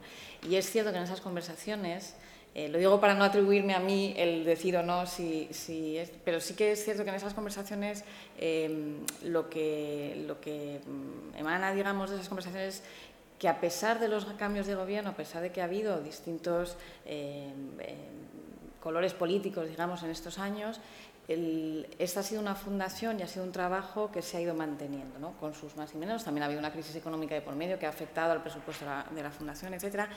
Pero pero sí que se ve como una política de Estado en ese sentido, ¿no? en que este es un derecho fundamental eh, que, goza de la máxima protección y en ese sentido em, las, instituciones desde lo público sí que hay un compromiso y yo creo hay una voluntad de, trabajar en ese sentido. Mm, eso por un lado. Si es el mayorito, eh, yo no sé si me corresponde a mí decirlo. Lo que sí que creo es que en estos 15 años eh, el hecho de que la Fundación haya existido y haya hecho, haya hecho ese trabajo de relacionarse con las confesiones, de tener una interlocución eh, fluida y directa con las confesiones, de trabajar con las administraciones públicas para que esos, esa diversidad forme parte de las políticas que se diseñan y que esté presente en los servicios públicos y el trabajo de sensibilización, yo creo que en ese, ese conjunto sí que ha puesto, digamos, sobre la agenda, en, la, agenda eh, temas que son importantes. Yo creo que, por ejemplo, que se hable hoy de gestión municipal de la diversidad religiosa es seguramente una de las grandes aportaciones de esta fundación, ¿no? Yo creo. Eh, en ese sentido, sí, sí que creo que es un que ha sido y, y que se confirma que esa idea inicial que se tuvo de que eh, era preciso tener eh, un instrumento que desde lo público pudiera atender a unas necesidades que iban eh, surgiendo a medida que la sociedad iba cambiando, pues yo creo que después de 15 años podemos decir que, efectivamente fue una idea buena y que se ha concretado y que se ha convertido en un proyecto muy sólido. ¿Cuáles son los recursos económicos de la Fundación, porque claro, al igual que ha pasado con todas las instituciones y organismos públicos, pues a raíz de la crisis económica hemos sufrido muchos recortes. Un poco cómo funcionan en este sentido la Fundación. La Fundación tiene una asignación del Presupuesto General del Estado y es una asignación anual. Y es cierto que si bien cuando se inició era una asignación que, si no me equivoco, era alrededor de los 5 millones anuales, eh, estamos ahora, ha habido, pues eso, ha habido eh, una situación económica que ha justificado, o sea, que ha necesitado de unos recortes y estamos ahora, yo creo que en, el momento de recuperar, es decir, que cuando se ve el, el momento más crítico, si no me equivoco, fue en el 2012 y ahora estamos en una fase ascendente. Evidentemente siempre podríamos tener más, nos gustaría tener más presupuesto, pero contamos el plan estratégico de subvenciones del Ministerio, eh, donde se eh, estipula cuál es digamos, la asignación que se va a dar anualmente a la, a la, Fundación y que tiene vigencia hasta el 2021, habla de 2.200.000 al año. Este año, claro, también es verdad que hemos tenido una situación donde los presupuestos se han ido prorrogando de años anteriores, entonces este año estamos en 1.750.000 de, esto, eh, digamos que eh, la mayoría de esos fondos, alrededor del 70%, son fondos que se utilizan en apoyo a las propias confesiones a través de dos líneas de financiación que, luego comentaremos seguramente eh, o detallaremos más. Y, y, luego el otro grueso de nuestro trabajo, que tiene que ver con el trabajo con las administraciones públicas, con un trabajo de asesoría, eh, de investigaciones, de promover estudios tanto con, universidades como con otros equipos de investigación para poder eh, ver un poco qué es, lo que qué es lo que está pasando y dónde necesitamos poner el, foco de atención. Eh, pues a eso, a sensibilización y al mantenimiento de la estructura de la, de la fundación va el resto, un 30% del presupuesto. ¿Nos puede ampliar lo que nos estaba comentando de las líneas 1 y 2? ¿En qué medida ah, contribuyen a financiar actividades de las confesiones? ¿Cómo pueden las confesiones utilizar este dinero? ¿Nos puede explicar un poquito el funcionamiento de esas líneas? Sí, esto, la, la, idea, uno de, los, de las em, razones principales, digamos, uno de los fundamentos de, de tener la fundación era también ayudar a las estructuras eh, representativas de las distintas confesiones a poder ejercer ese trabajo de representación, de interlocución y de, y de, sobre todo de ser, em, de ser federaciones que pudieran eh, dar voz a las necesidades de los creyentes pertenecientes a esas confesiones. Entonces, eh, una de, de, las líneas de financiación que tenemos, tenemos tres, básicamente ahora mismo estamos trabajando con tres líneas de financiación o de ayudas que damos a distintos colectivos. La primera, la que llamamos la línea 1, es una línea que va dirigida al mantenimiento, digamos, a, apoyar y a fortalecer las estructuras eh, de las confesiones que tienen el acuerdo de cooperación, o sea, el Islam, judaísmo y protestantismo. Y, son, y es una línea dirigida precisamente a, eh, bueno, pues a fortalecer las capacidades pueden financiar, se financian eh, programas de formación, se financian, por ejemplo, el funcionamiento de sus propios órganos de gobierno, las estructuras a nivel nacional que pueden que tienen, eh, también la participación en seminarios, en diálogos con, con otras confesiones o, con otros eh, colectivos de la sociedad para que precisamente su papel en la construcción social eh, pueda ser más, más visible. bueno, este tipo, este tipo de financiaciones. Lo que no financiamos es actividades culturales, el, culto no forma parte de las, de las, actividades que nosotros financiamos. Y la línea 2 es una línea que también va dirigida a entidades eh, religiosas de las confesiones y que tiene eh, la motivación, o sea, el, principal objetivo es ayudar a esas entidades religiosas a participar más activamente en la construcción social de su, entorno, de su comunidad. Entonces, tiene que ver, son actividades relacionadas eh, pues con temas educativos, culturales, em, también formaciones, em, bueno, pues este tipo de, actividades. ¿Cómo trabaja la Fundación Pluralismo con la Administración Autonómica y Local? Antes ya nos lo ha adelantado un poquito, ha abierto un poquito esta línea, esta vía. ¿Nos puede concretar un poquito más el día a día, la relación bilateral? Yo creo que esto, o sea, haciendo eh, este recorrido ¿no? de qué ha pasado en estos años, eh, una de las cosas que a mí me parece muy característico de esta fundación es el, que se ha ido sumando a este proyecto, digamos, eh, distintos actores. ¿no? Se empezaba con las confesiones, porque bueno, era nuestro, nuestro actor principal, digamos. Luego se empezó a trabajar con las universidades porque lo que, se detectó desde el inicio es que había una falta de, saber qué es lo que estaba pasando, un mapeo inicial de qué es lo que estaba pasando eh, en las distintas comunidades autónomas, en los distintos eh, lugares en España, eh, de cuál era ese mapa de la diversidad religiosa. Y entonces ahí sumamos a las universidades. Y muy pronto en ese proceso, las personas que, trabajaban y que trabajan en la fundación empezaron a ver que había que, era necesario trabajar con otra pata, que era la propia administración local, principalmente ayuntamientos, que es ahí a nivel municipal donde la vida de los ciudadanos se da ¿no? y donde esos derechos eh, se ven, se manifiestan, digamos. Entonces, eh, desde el inicio de la fundación se, empezó a trabajar eh, de manera muy cercana con distintos municipios y ahí un socio fundamental de nuestro trabajo es la Federación Española de Municipios y Provincias, la FEM que es miembro del patronato también y con el que tenemos varias iniciativas, entre ellos una muy importante que me imagino que Puerto comentará después, que es el Observatorio del Pluralismo Religioso. Es una iniciativa con, la FEMP y con el Ministerio de Justicia. Entonces, nuestro trabajo con los ayuntamientos es em, principalmente trabajar en, el diagnóstico de situaciones, en, ayudar, en ayudar y, contribuir a que los propios ayuntamientos puedan eh, facilitar el ejercicio de este derecho y remover aquellos obstáculos que de manera eh, a lo mejor incluso inconscientemente, ¿no? los ayuntamientos y las administraciones tienen algunas barreras o, falta de desarrollos normativos, no necesariamente esos, pero también pueden ser simplemente pues, el desconocimiento de la, diversidad que hay en el, en, el, propio municipio o de las necesidades eh, de confesiones. Entonces, eh, eh, se han hecho investigaciones municipales para un poco identificar, digamos, cuál es la la, situación en cada de los ayuntamientos y hemos eh, emitido una serie de recomendaciones a los ayuntamientos para facilitar esa interlocución con, las confesiones y con, como actores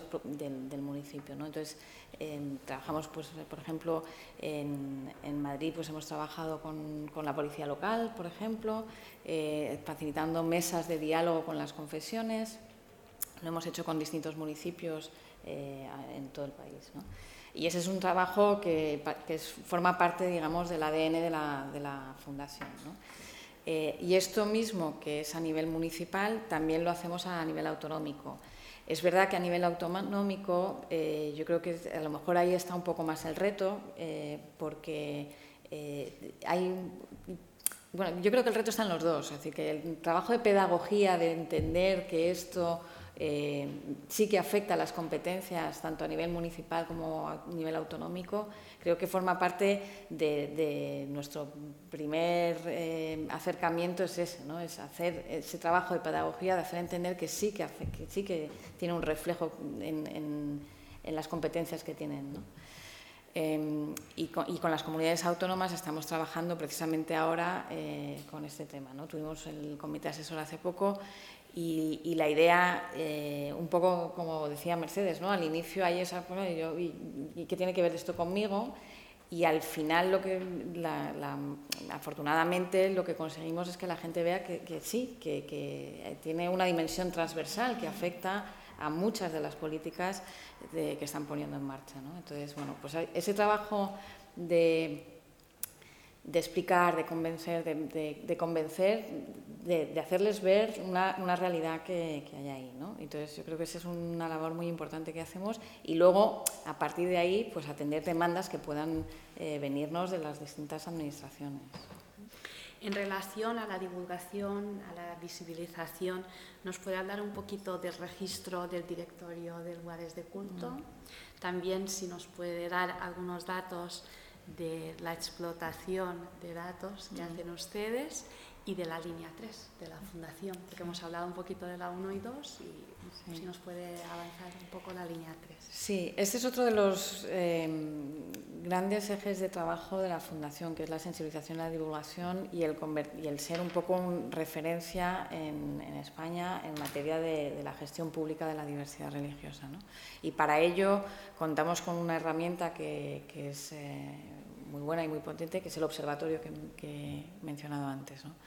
Y en ese observatorio hay un directorio, porque no es un registro, es un directorio de lugares de culto. Nosotros no tenemos registro, lo que hacemos es utilizar los datos del registro que ha comentado antes Mercedes y contrastar esa información, porque hay veces que como no es obligatorio registrar los lugares de culto, perdón, em, sí que nosotros lo que hacemos es a través de las investigaciones municipales, a través de las distintas Em, nuestros contactos con municipios, etcétera, sí que actualizamos esos datos para tener, eh, gracias, para tener em, esos datos actualizados y conocer un poco, em, bueno, los datos en relación a los lugares de culto. ¿Por qué nos enfocamos en lugares de culto? Porque eh, es el indicador, digamos, eh, más fiable que tenemos sobre diversidad religiosa, ¿no?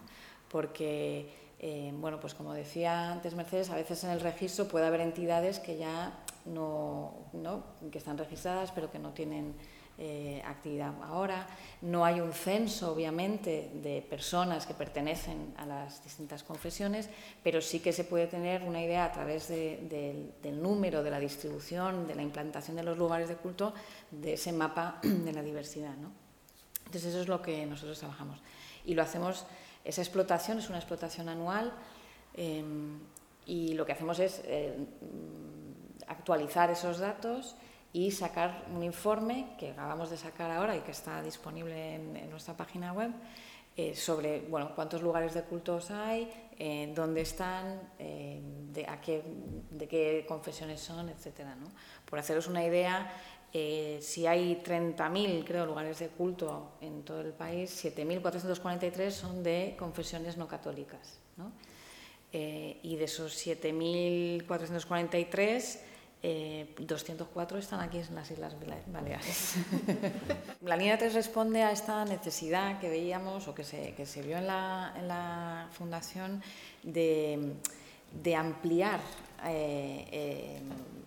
un poco el espectro y de ir sumando a más actores a esta tarea de eh, dar a conocer y de, promover el reconocimiento y la visibilidad de esta, diversidad.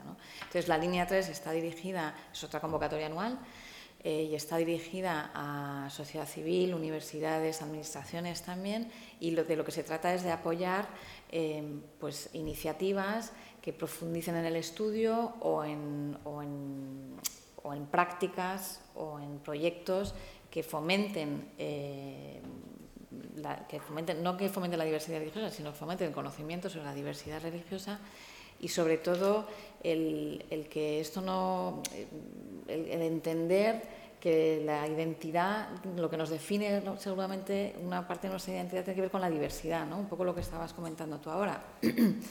y que, eso es una riqueza y que no tiene que ser motivo ni de discriminación, ni de intolerancia, ni de discursos de odio, como estábamos hablando antes.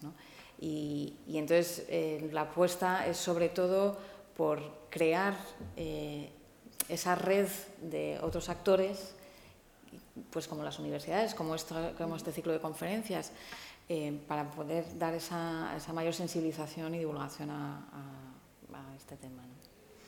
En relación con la actividad institucional que desarrollan desde la Fundación, ¿cuáles son los convenios de colaboración realizados por la Fundación Pluralismo y Convivencia?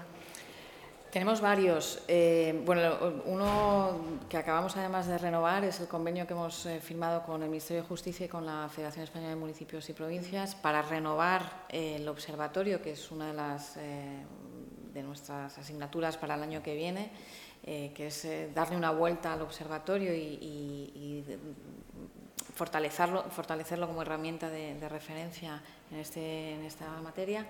Y luego tenemos distintos convenios con universidades, básicamente. Eh, para poder fomentar la investigación, para poder fomentar incluso prácticas en, nuestra organización y que yo sepa hasta ahí.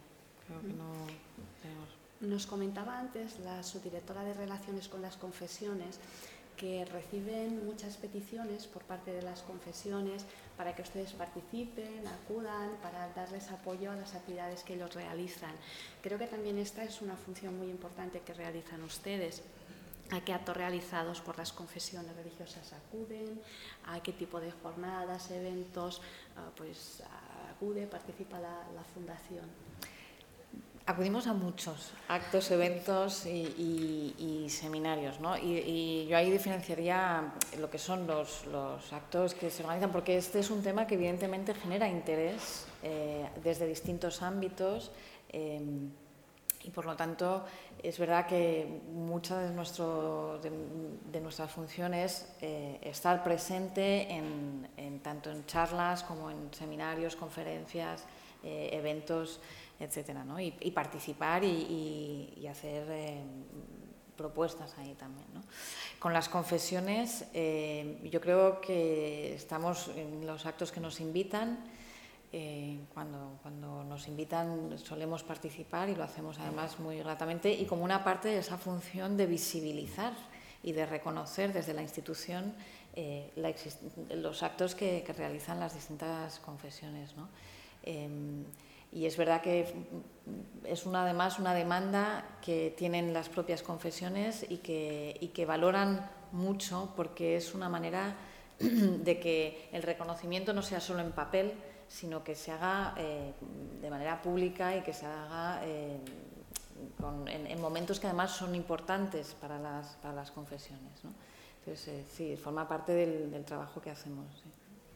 ¿Nos puede hablar un poquito de los premios que entrega la Fundación Pluralismo y Convivencia? Sí. Los eh, premios, eh, a lo largo de, estos 15 años ha habido varios premios y yo creo que se han, los premios han sido un mecanismo efectivo de, como incentivo para impulsar determinadas líneas de trabajo. Pues en su día fueron las investigaciones, eh, también hubo premios para las buenas prácticas municipales.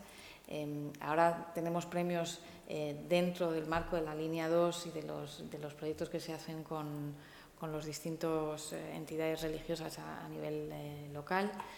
Y ahora, por ejemplo, tenemos un, un premio dentro de nuestro trabajo de, de, intentar cambiar la narrativa alrededor de esto y de ver la diversidad religiosa de otra manera. Hemos hecho un gran trabajo audiovisual con un, proyecto que presentaremos, cuyo resultado presentaremos en breve, que se llama Cambia el Marco, y que eh, de ese proyecto lo que ha salido es esa idea de cambiar el marco o, la perspectiva a través de la cual vemos la diversidad religiosa. Y uno de los premios que hemos lanzado ahora, una, una iniciativa que hemos lanzado ahora, es un concurso de fotografía eh, sobre diversidad religiosa que lo que trata es precisamente de implicar a, jóvenes de 16 a 80 y muchos en, visibilizar esa, diversidad y no es solo mandar una foto, también es explicar un poco por qué eso es una representación de una diversidad que, se valora en la sociedad. Y eso son parte de los premios que estamos dando. Inés, desde su perspectiva, que es la de trabajar con y para las confesiones católicas, ¿cuál es el grado de libertad religiosa que cree que tenemos en este momento en nuestro país? Bueno, yo ahí también me voy a sumar a lo que se ha dicho anteriormente, pero em, sí que me gustaría añadir una, cosa, a lo mejor una reflexión desde mi experiencia muy reciente eh, en este tema, pero sí que la percepción que tengo es em, que la, que la, garantía de la libertad religiosa eh, está ya, digamos, eh, bastante consolidada en ese sentido. Tal vez lo que hay que profundizar más es en, en remover barreras en la gestión ¿no? de, esa diversidad y, de la dimensión desde la gestión pública de esa diversidad. ¿no? Eh, también porque bueno, pues porque las sociedades no son estáticas, son dinámicas, van cambiando, van surgiendo nuevas eh, demandas que hay que ir atendiendo y que hay que, mm, que, hay que ir eh, dándoles respuesta. ¿no? Nosotros, eh, yo creo que fue muy, muy bonito en el proyecto este que he comentado antes de Cambia el Marco, que es un proyecto en el que hemos juntado a jóvenes de distintas confesiones para que desde la perspectiva de, de, su, su, propia experiencia nos, comenta, nos contaran qué es ser eh, joven creyente en la sociedad actual, les hicimos un ejercicio que era eh, identificar distintos artículos, o sea, artículos sobre libertad religiosa, los artículos que habían tratado de la libertad religiosa de las distintas constituciones españolas. ¿no? Y yo creo que en ese, en ese ejercicio eh, fue muy interesante porque ellos, eh, en las conversaciones que tenían a raíz de ese ejercicio, era así, bueno, aquí hay libertad, está todo garantizado, eh, etcétera, pero para ellos fue un descubrimiento ver que esto no era algo eh, de toda la vida, o sea, decir que esto es un derecho que se ha adquirido y por el que hay que seguir, que hay que seguir protegiendo, apostando, etcétera, que las cosas no, no, no se pueden dejar solo porque estén en, ¿no? trabajada desde hace 40 años. ¿no? Que yo creo que eso, y yo creo que es un mensaje importante ¿no? desde los jóvenes el, que esto em, son derechos que hay que valorar y que hay que proteger y que hay que estar atentos para, que, no, em, que, las circunstancias o que, em, que no se instrumentalicen eh, a la contra, que no, que no se generen situaciones desfavorecedoras en ese sentido. Entonces, eh, por concluir en, tu pregunta, yo creo que sí que, es un, derecho que está eh, garantizado y que, está eh, bien protegido, pero es verdad que no hay que bajar la guardia, es decir, que hay que seguir trabajando y que las respuestas de la Administración Pública y de estar atento a qué está pasando también en los jóvenes y en, la sociedad es importante mantenerlo. Ah, básicamente le voy a preguntar en relación al observatorio. Más que nada porque es un ámbito muy específico de su labor en la Fundación Pluralismo y Convivencia y que creo que ha sido pieza clave para mejorar la gestión pública de la diversidad religiosa. ¿Nos puede hablar un poco de las guías realizadas, de los libros de texto de religión, del asesoramiento a ayuntamientos y comunidades autónomas, bueno, del trabajo de las investigaciones municipales y autonómicas, de la formación de agentes públicos que también nos estaba comentando antes la directora. Es que me, parece fascinante la labor del observatorio y entonces, por favor, uh, ilústrenos todo lo que pueda acerca de lo que están haciendo. Yo no sé si voy a ser capaz de responder a todo lo que me, a todo lo que me pides, pero sí voy a intentar brevemente pues, hacer un poco una reflexión sobre qué ha sido el observatorio, qué es y qué puede ser. ¿no? Eh, el observatorio yo creo que nace ciertamente con una voluntad de avanzar en la mejora de la gestión pública, pero también eh, partiendo de la necesidad de dotarnos de una plataforma eh, que, visibilizase la diversidad religiosa ante un público general. Creo yo un poco la locura del observatorio, que funciona como una plataforma con mucha información, responde a esa doble necesidad. Tener un espacio en el que hablar eh, de la diversidad, porque me voy a, me, voy a adelantar a la, última, a la última pregunta y así ya no me la tienes que hacer, Catalina. yo, creo que uno de los retos quizá es la, la libertad religiosa está protegida aunque es verdad que tendremos que desarrollar cuestiones puntuales en función de las necesidades muy específicas que las diferentes confesiones van planteando. Y ahí tendremos que ver si son desarrollos específicos de la propia ley o habrá que trabajar otras leyes que afectan finalmente al ejercicio, condicionan el ejercicio del derecho. Pero hay una cuestión que, que, nos preocupa y que tiene que ver con el grado de conciencia de nuestra sociedad acerca de nuestro pluralismo religioso como valor y como derecho a proteger. Y un poco ¿no? enlazo con, lo que decía la directora en relación con ese ejercicio con jóvenes que hemos hecho en el proyecto Cambia el Marco y donde nos sitúa, que donde nos sitúa es ahí, ¿no? En, qué punto estamos aquí. Nuestra sociedad eh, es plenamente consciente de nuestra diversidad y además un paso más. Y somos conscientes de que es un valor a proteger eh, en, esa dirección. Entonces, bueno, pues un poco el observatorio sí que pretendió lanzar una plataforma que nos ayudase a hacer eso visible.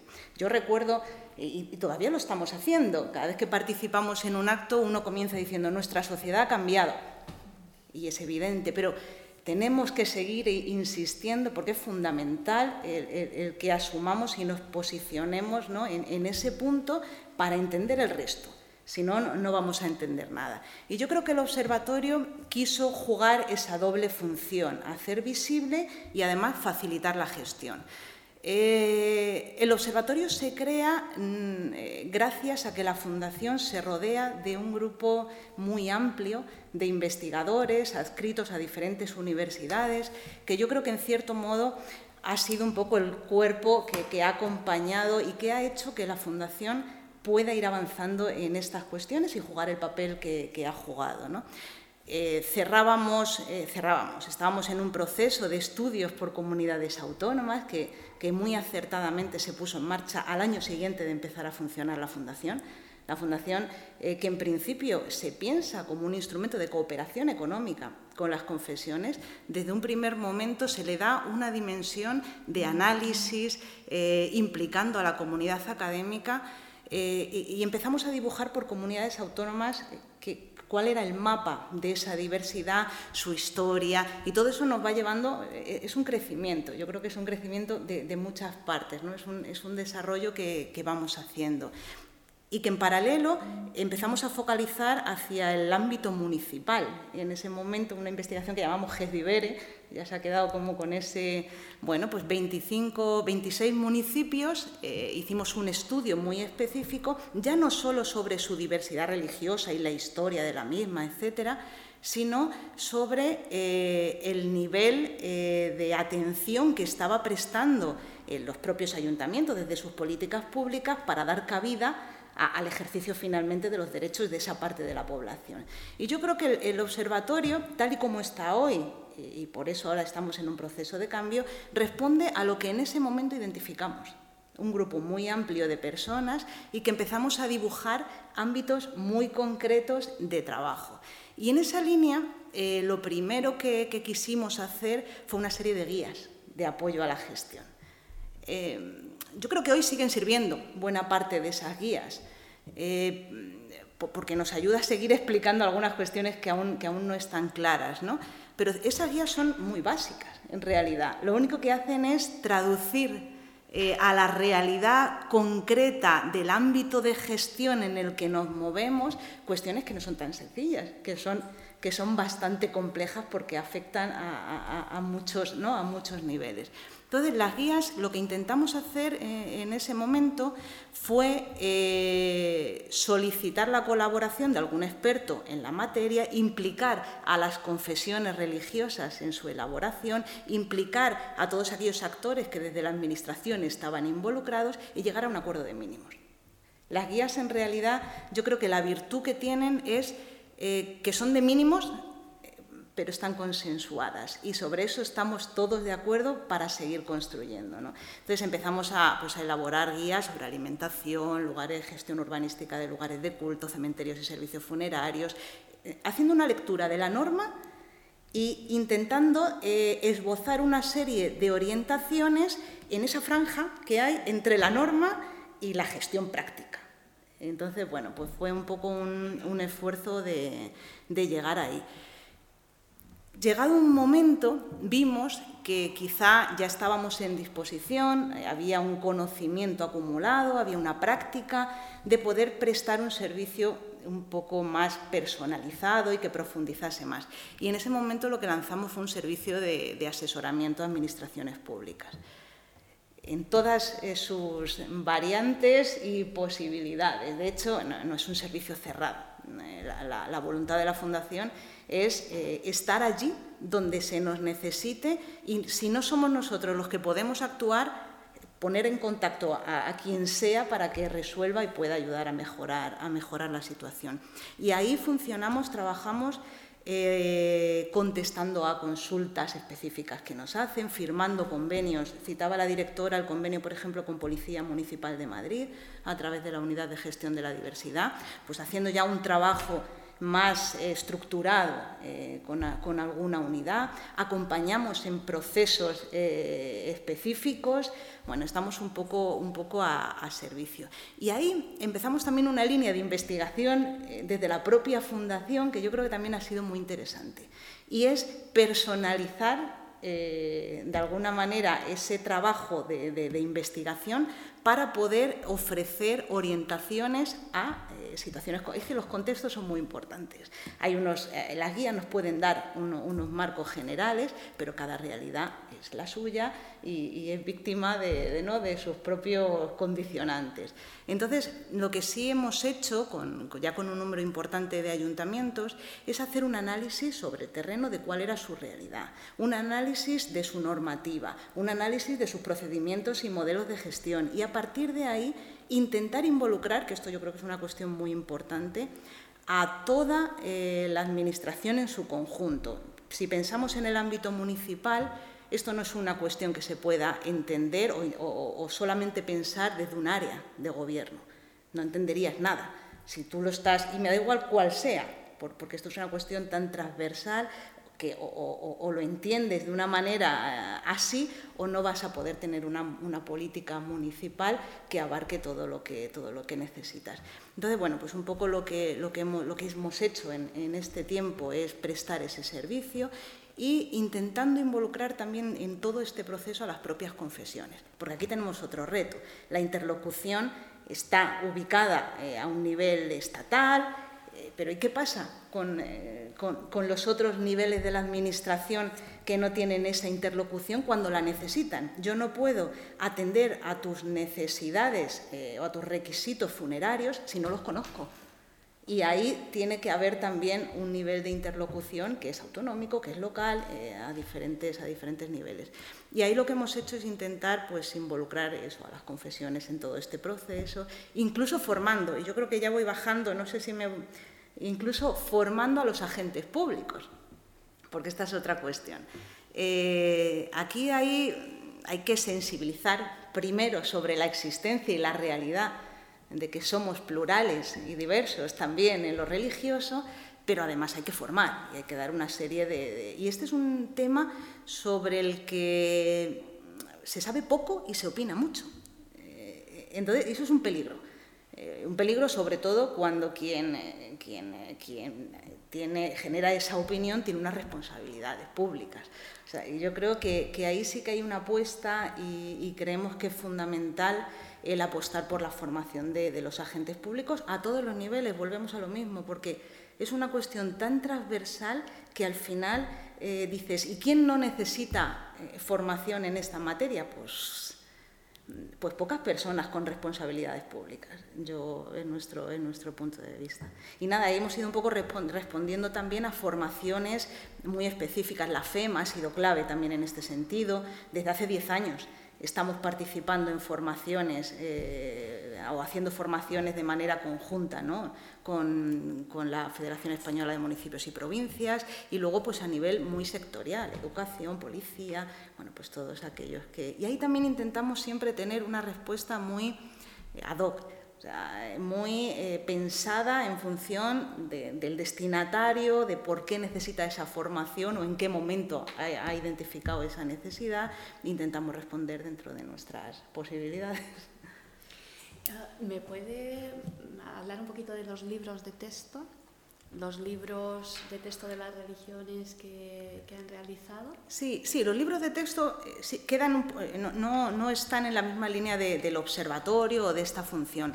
Aquí, eh, esos libros de texto que hicimos de religión evangélica y religión islámica se, se, ubican en nuestro trabajo en el marco de la línea de ayudas a las, a las estructuras de las confesiones, de la línea 1 que antes Inés explicaba.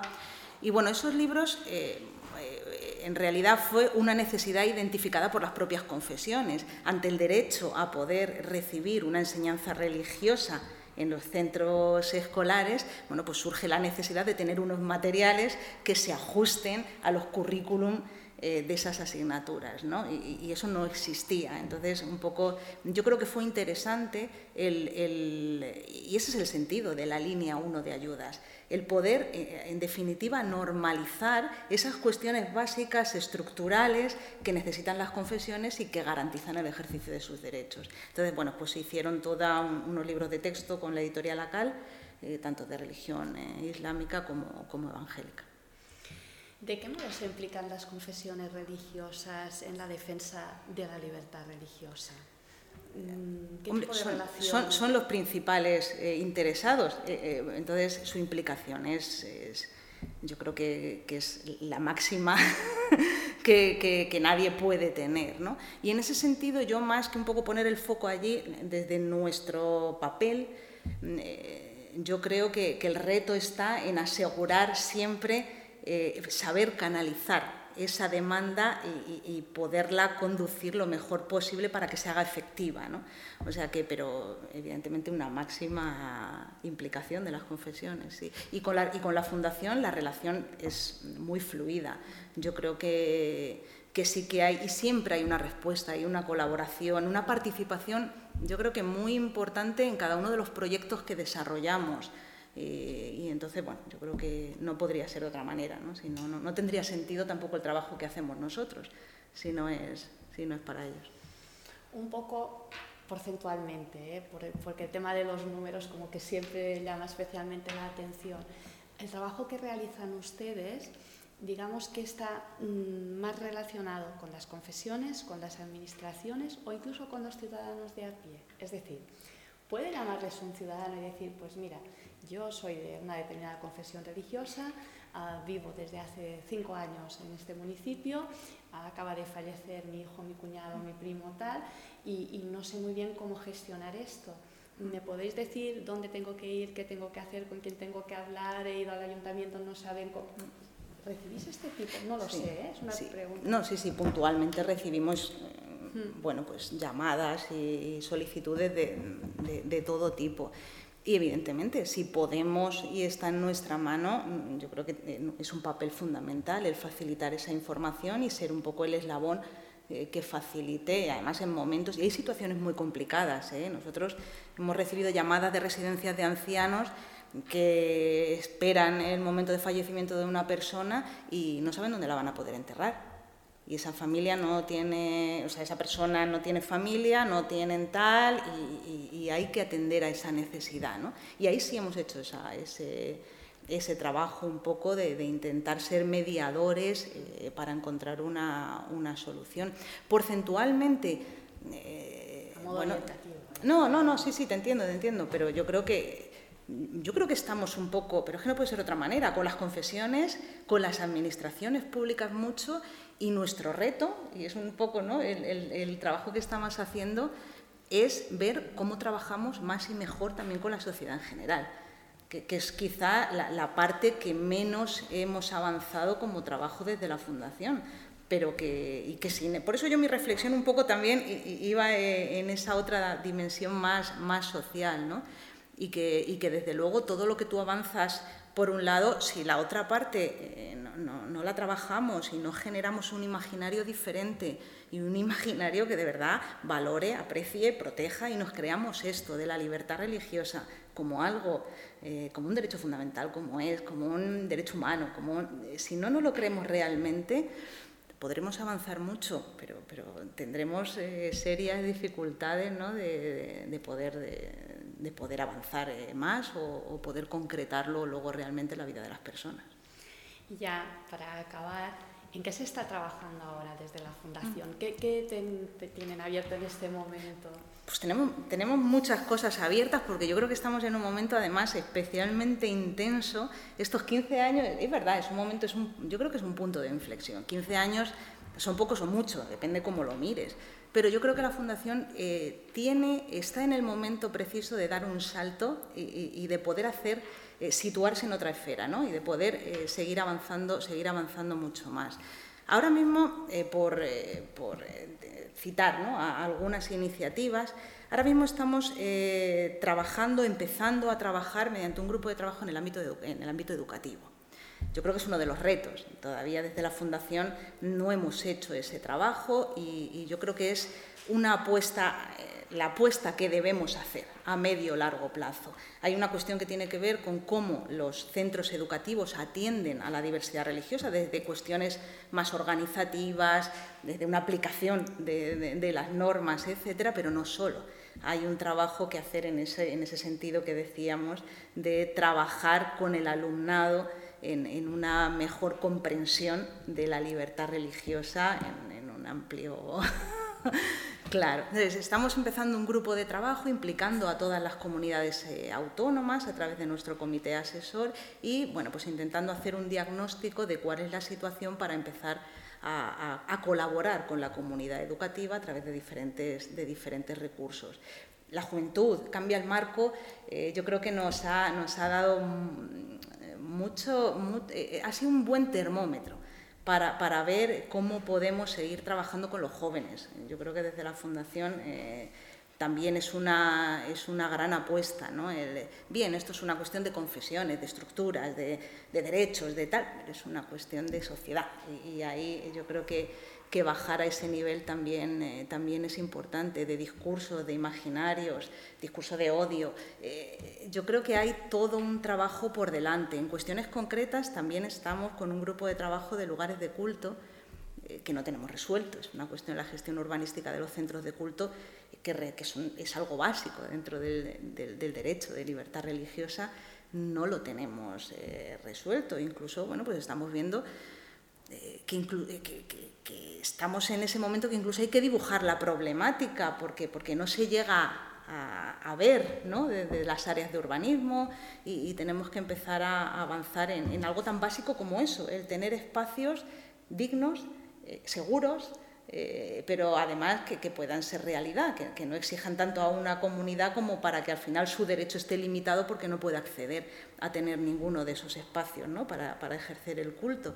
Y tenemos un grupo de trabajo muy interesante con la FEM que implica a muchos ayuntamientos.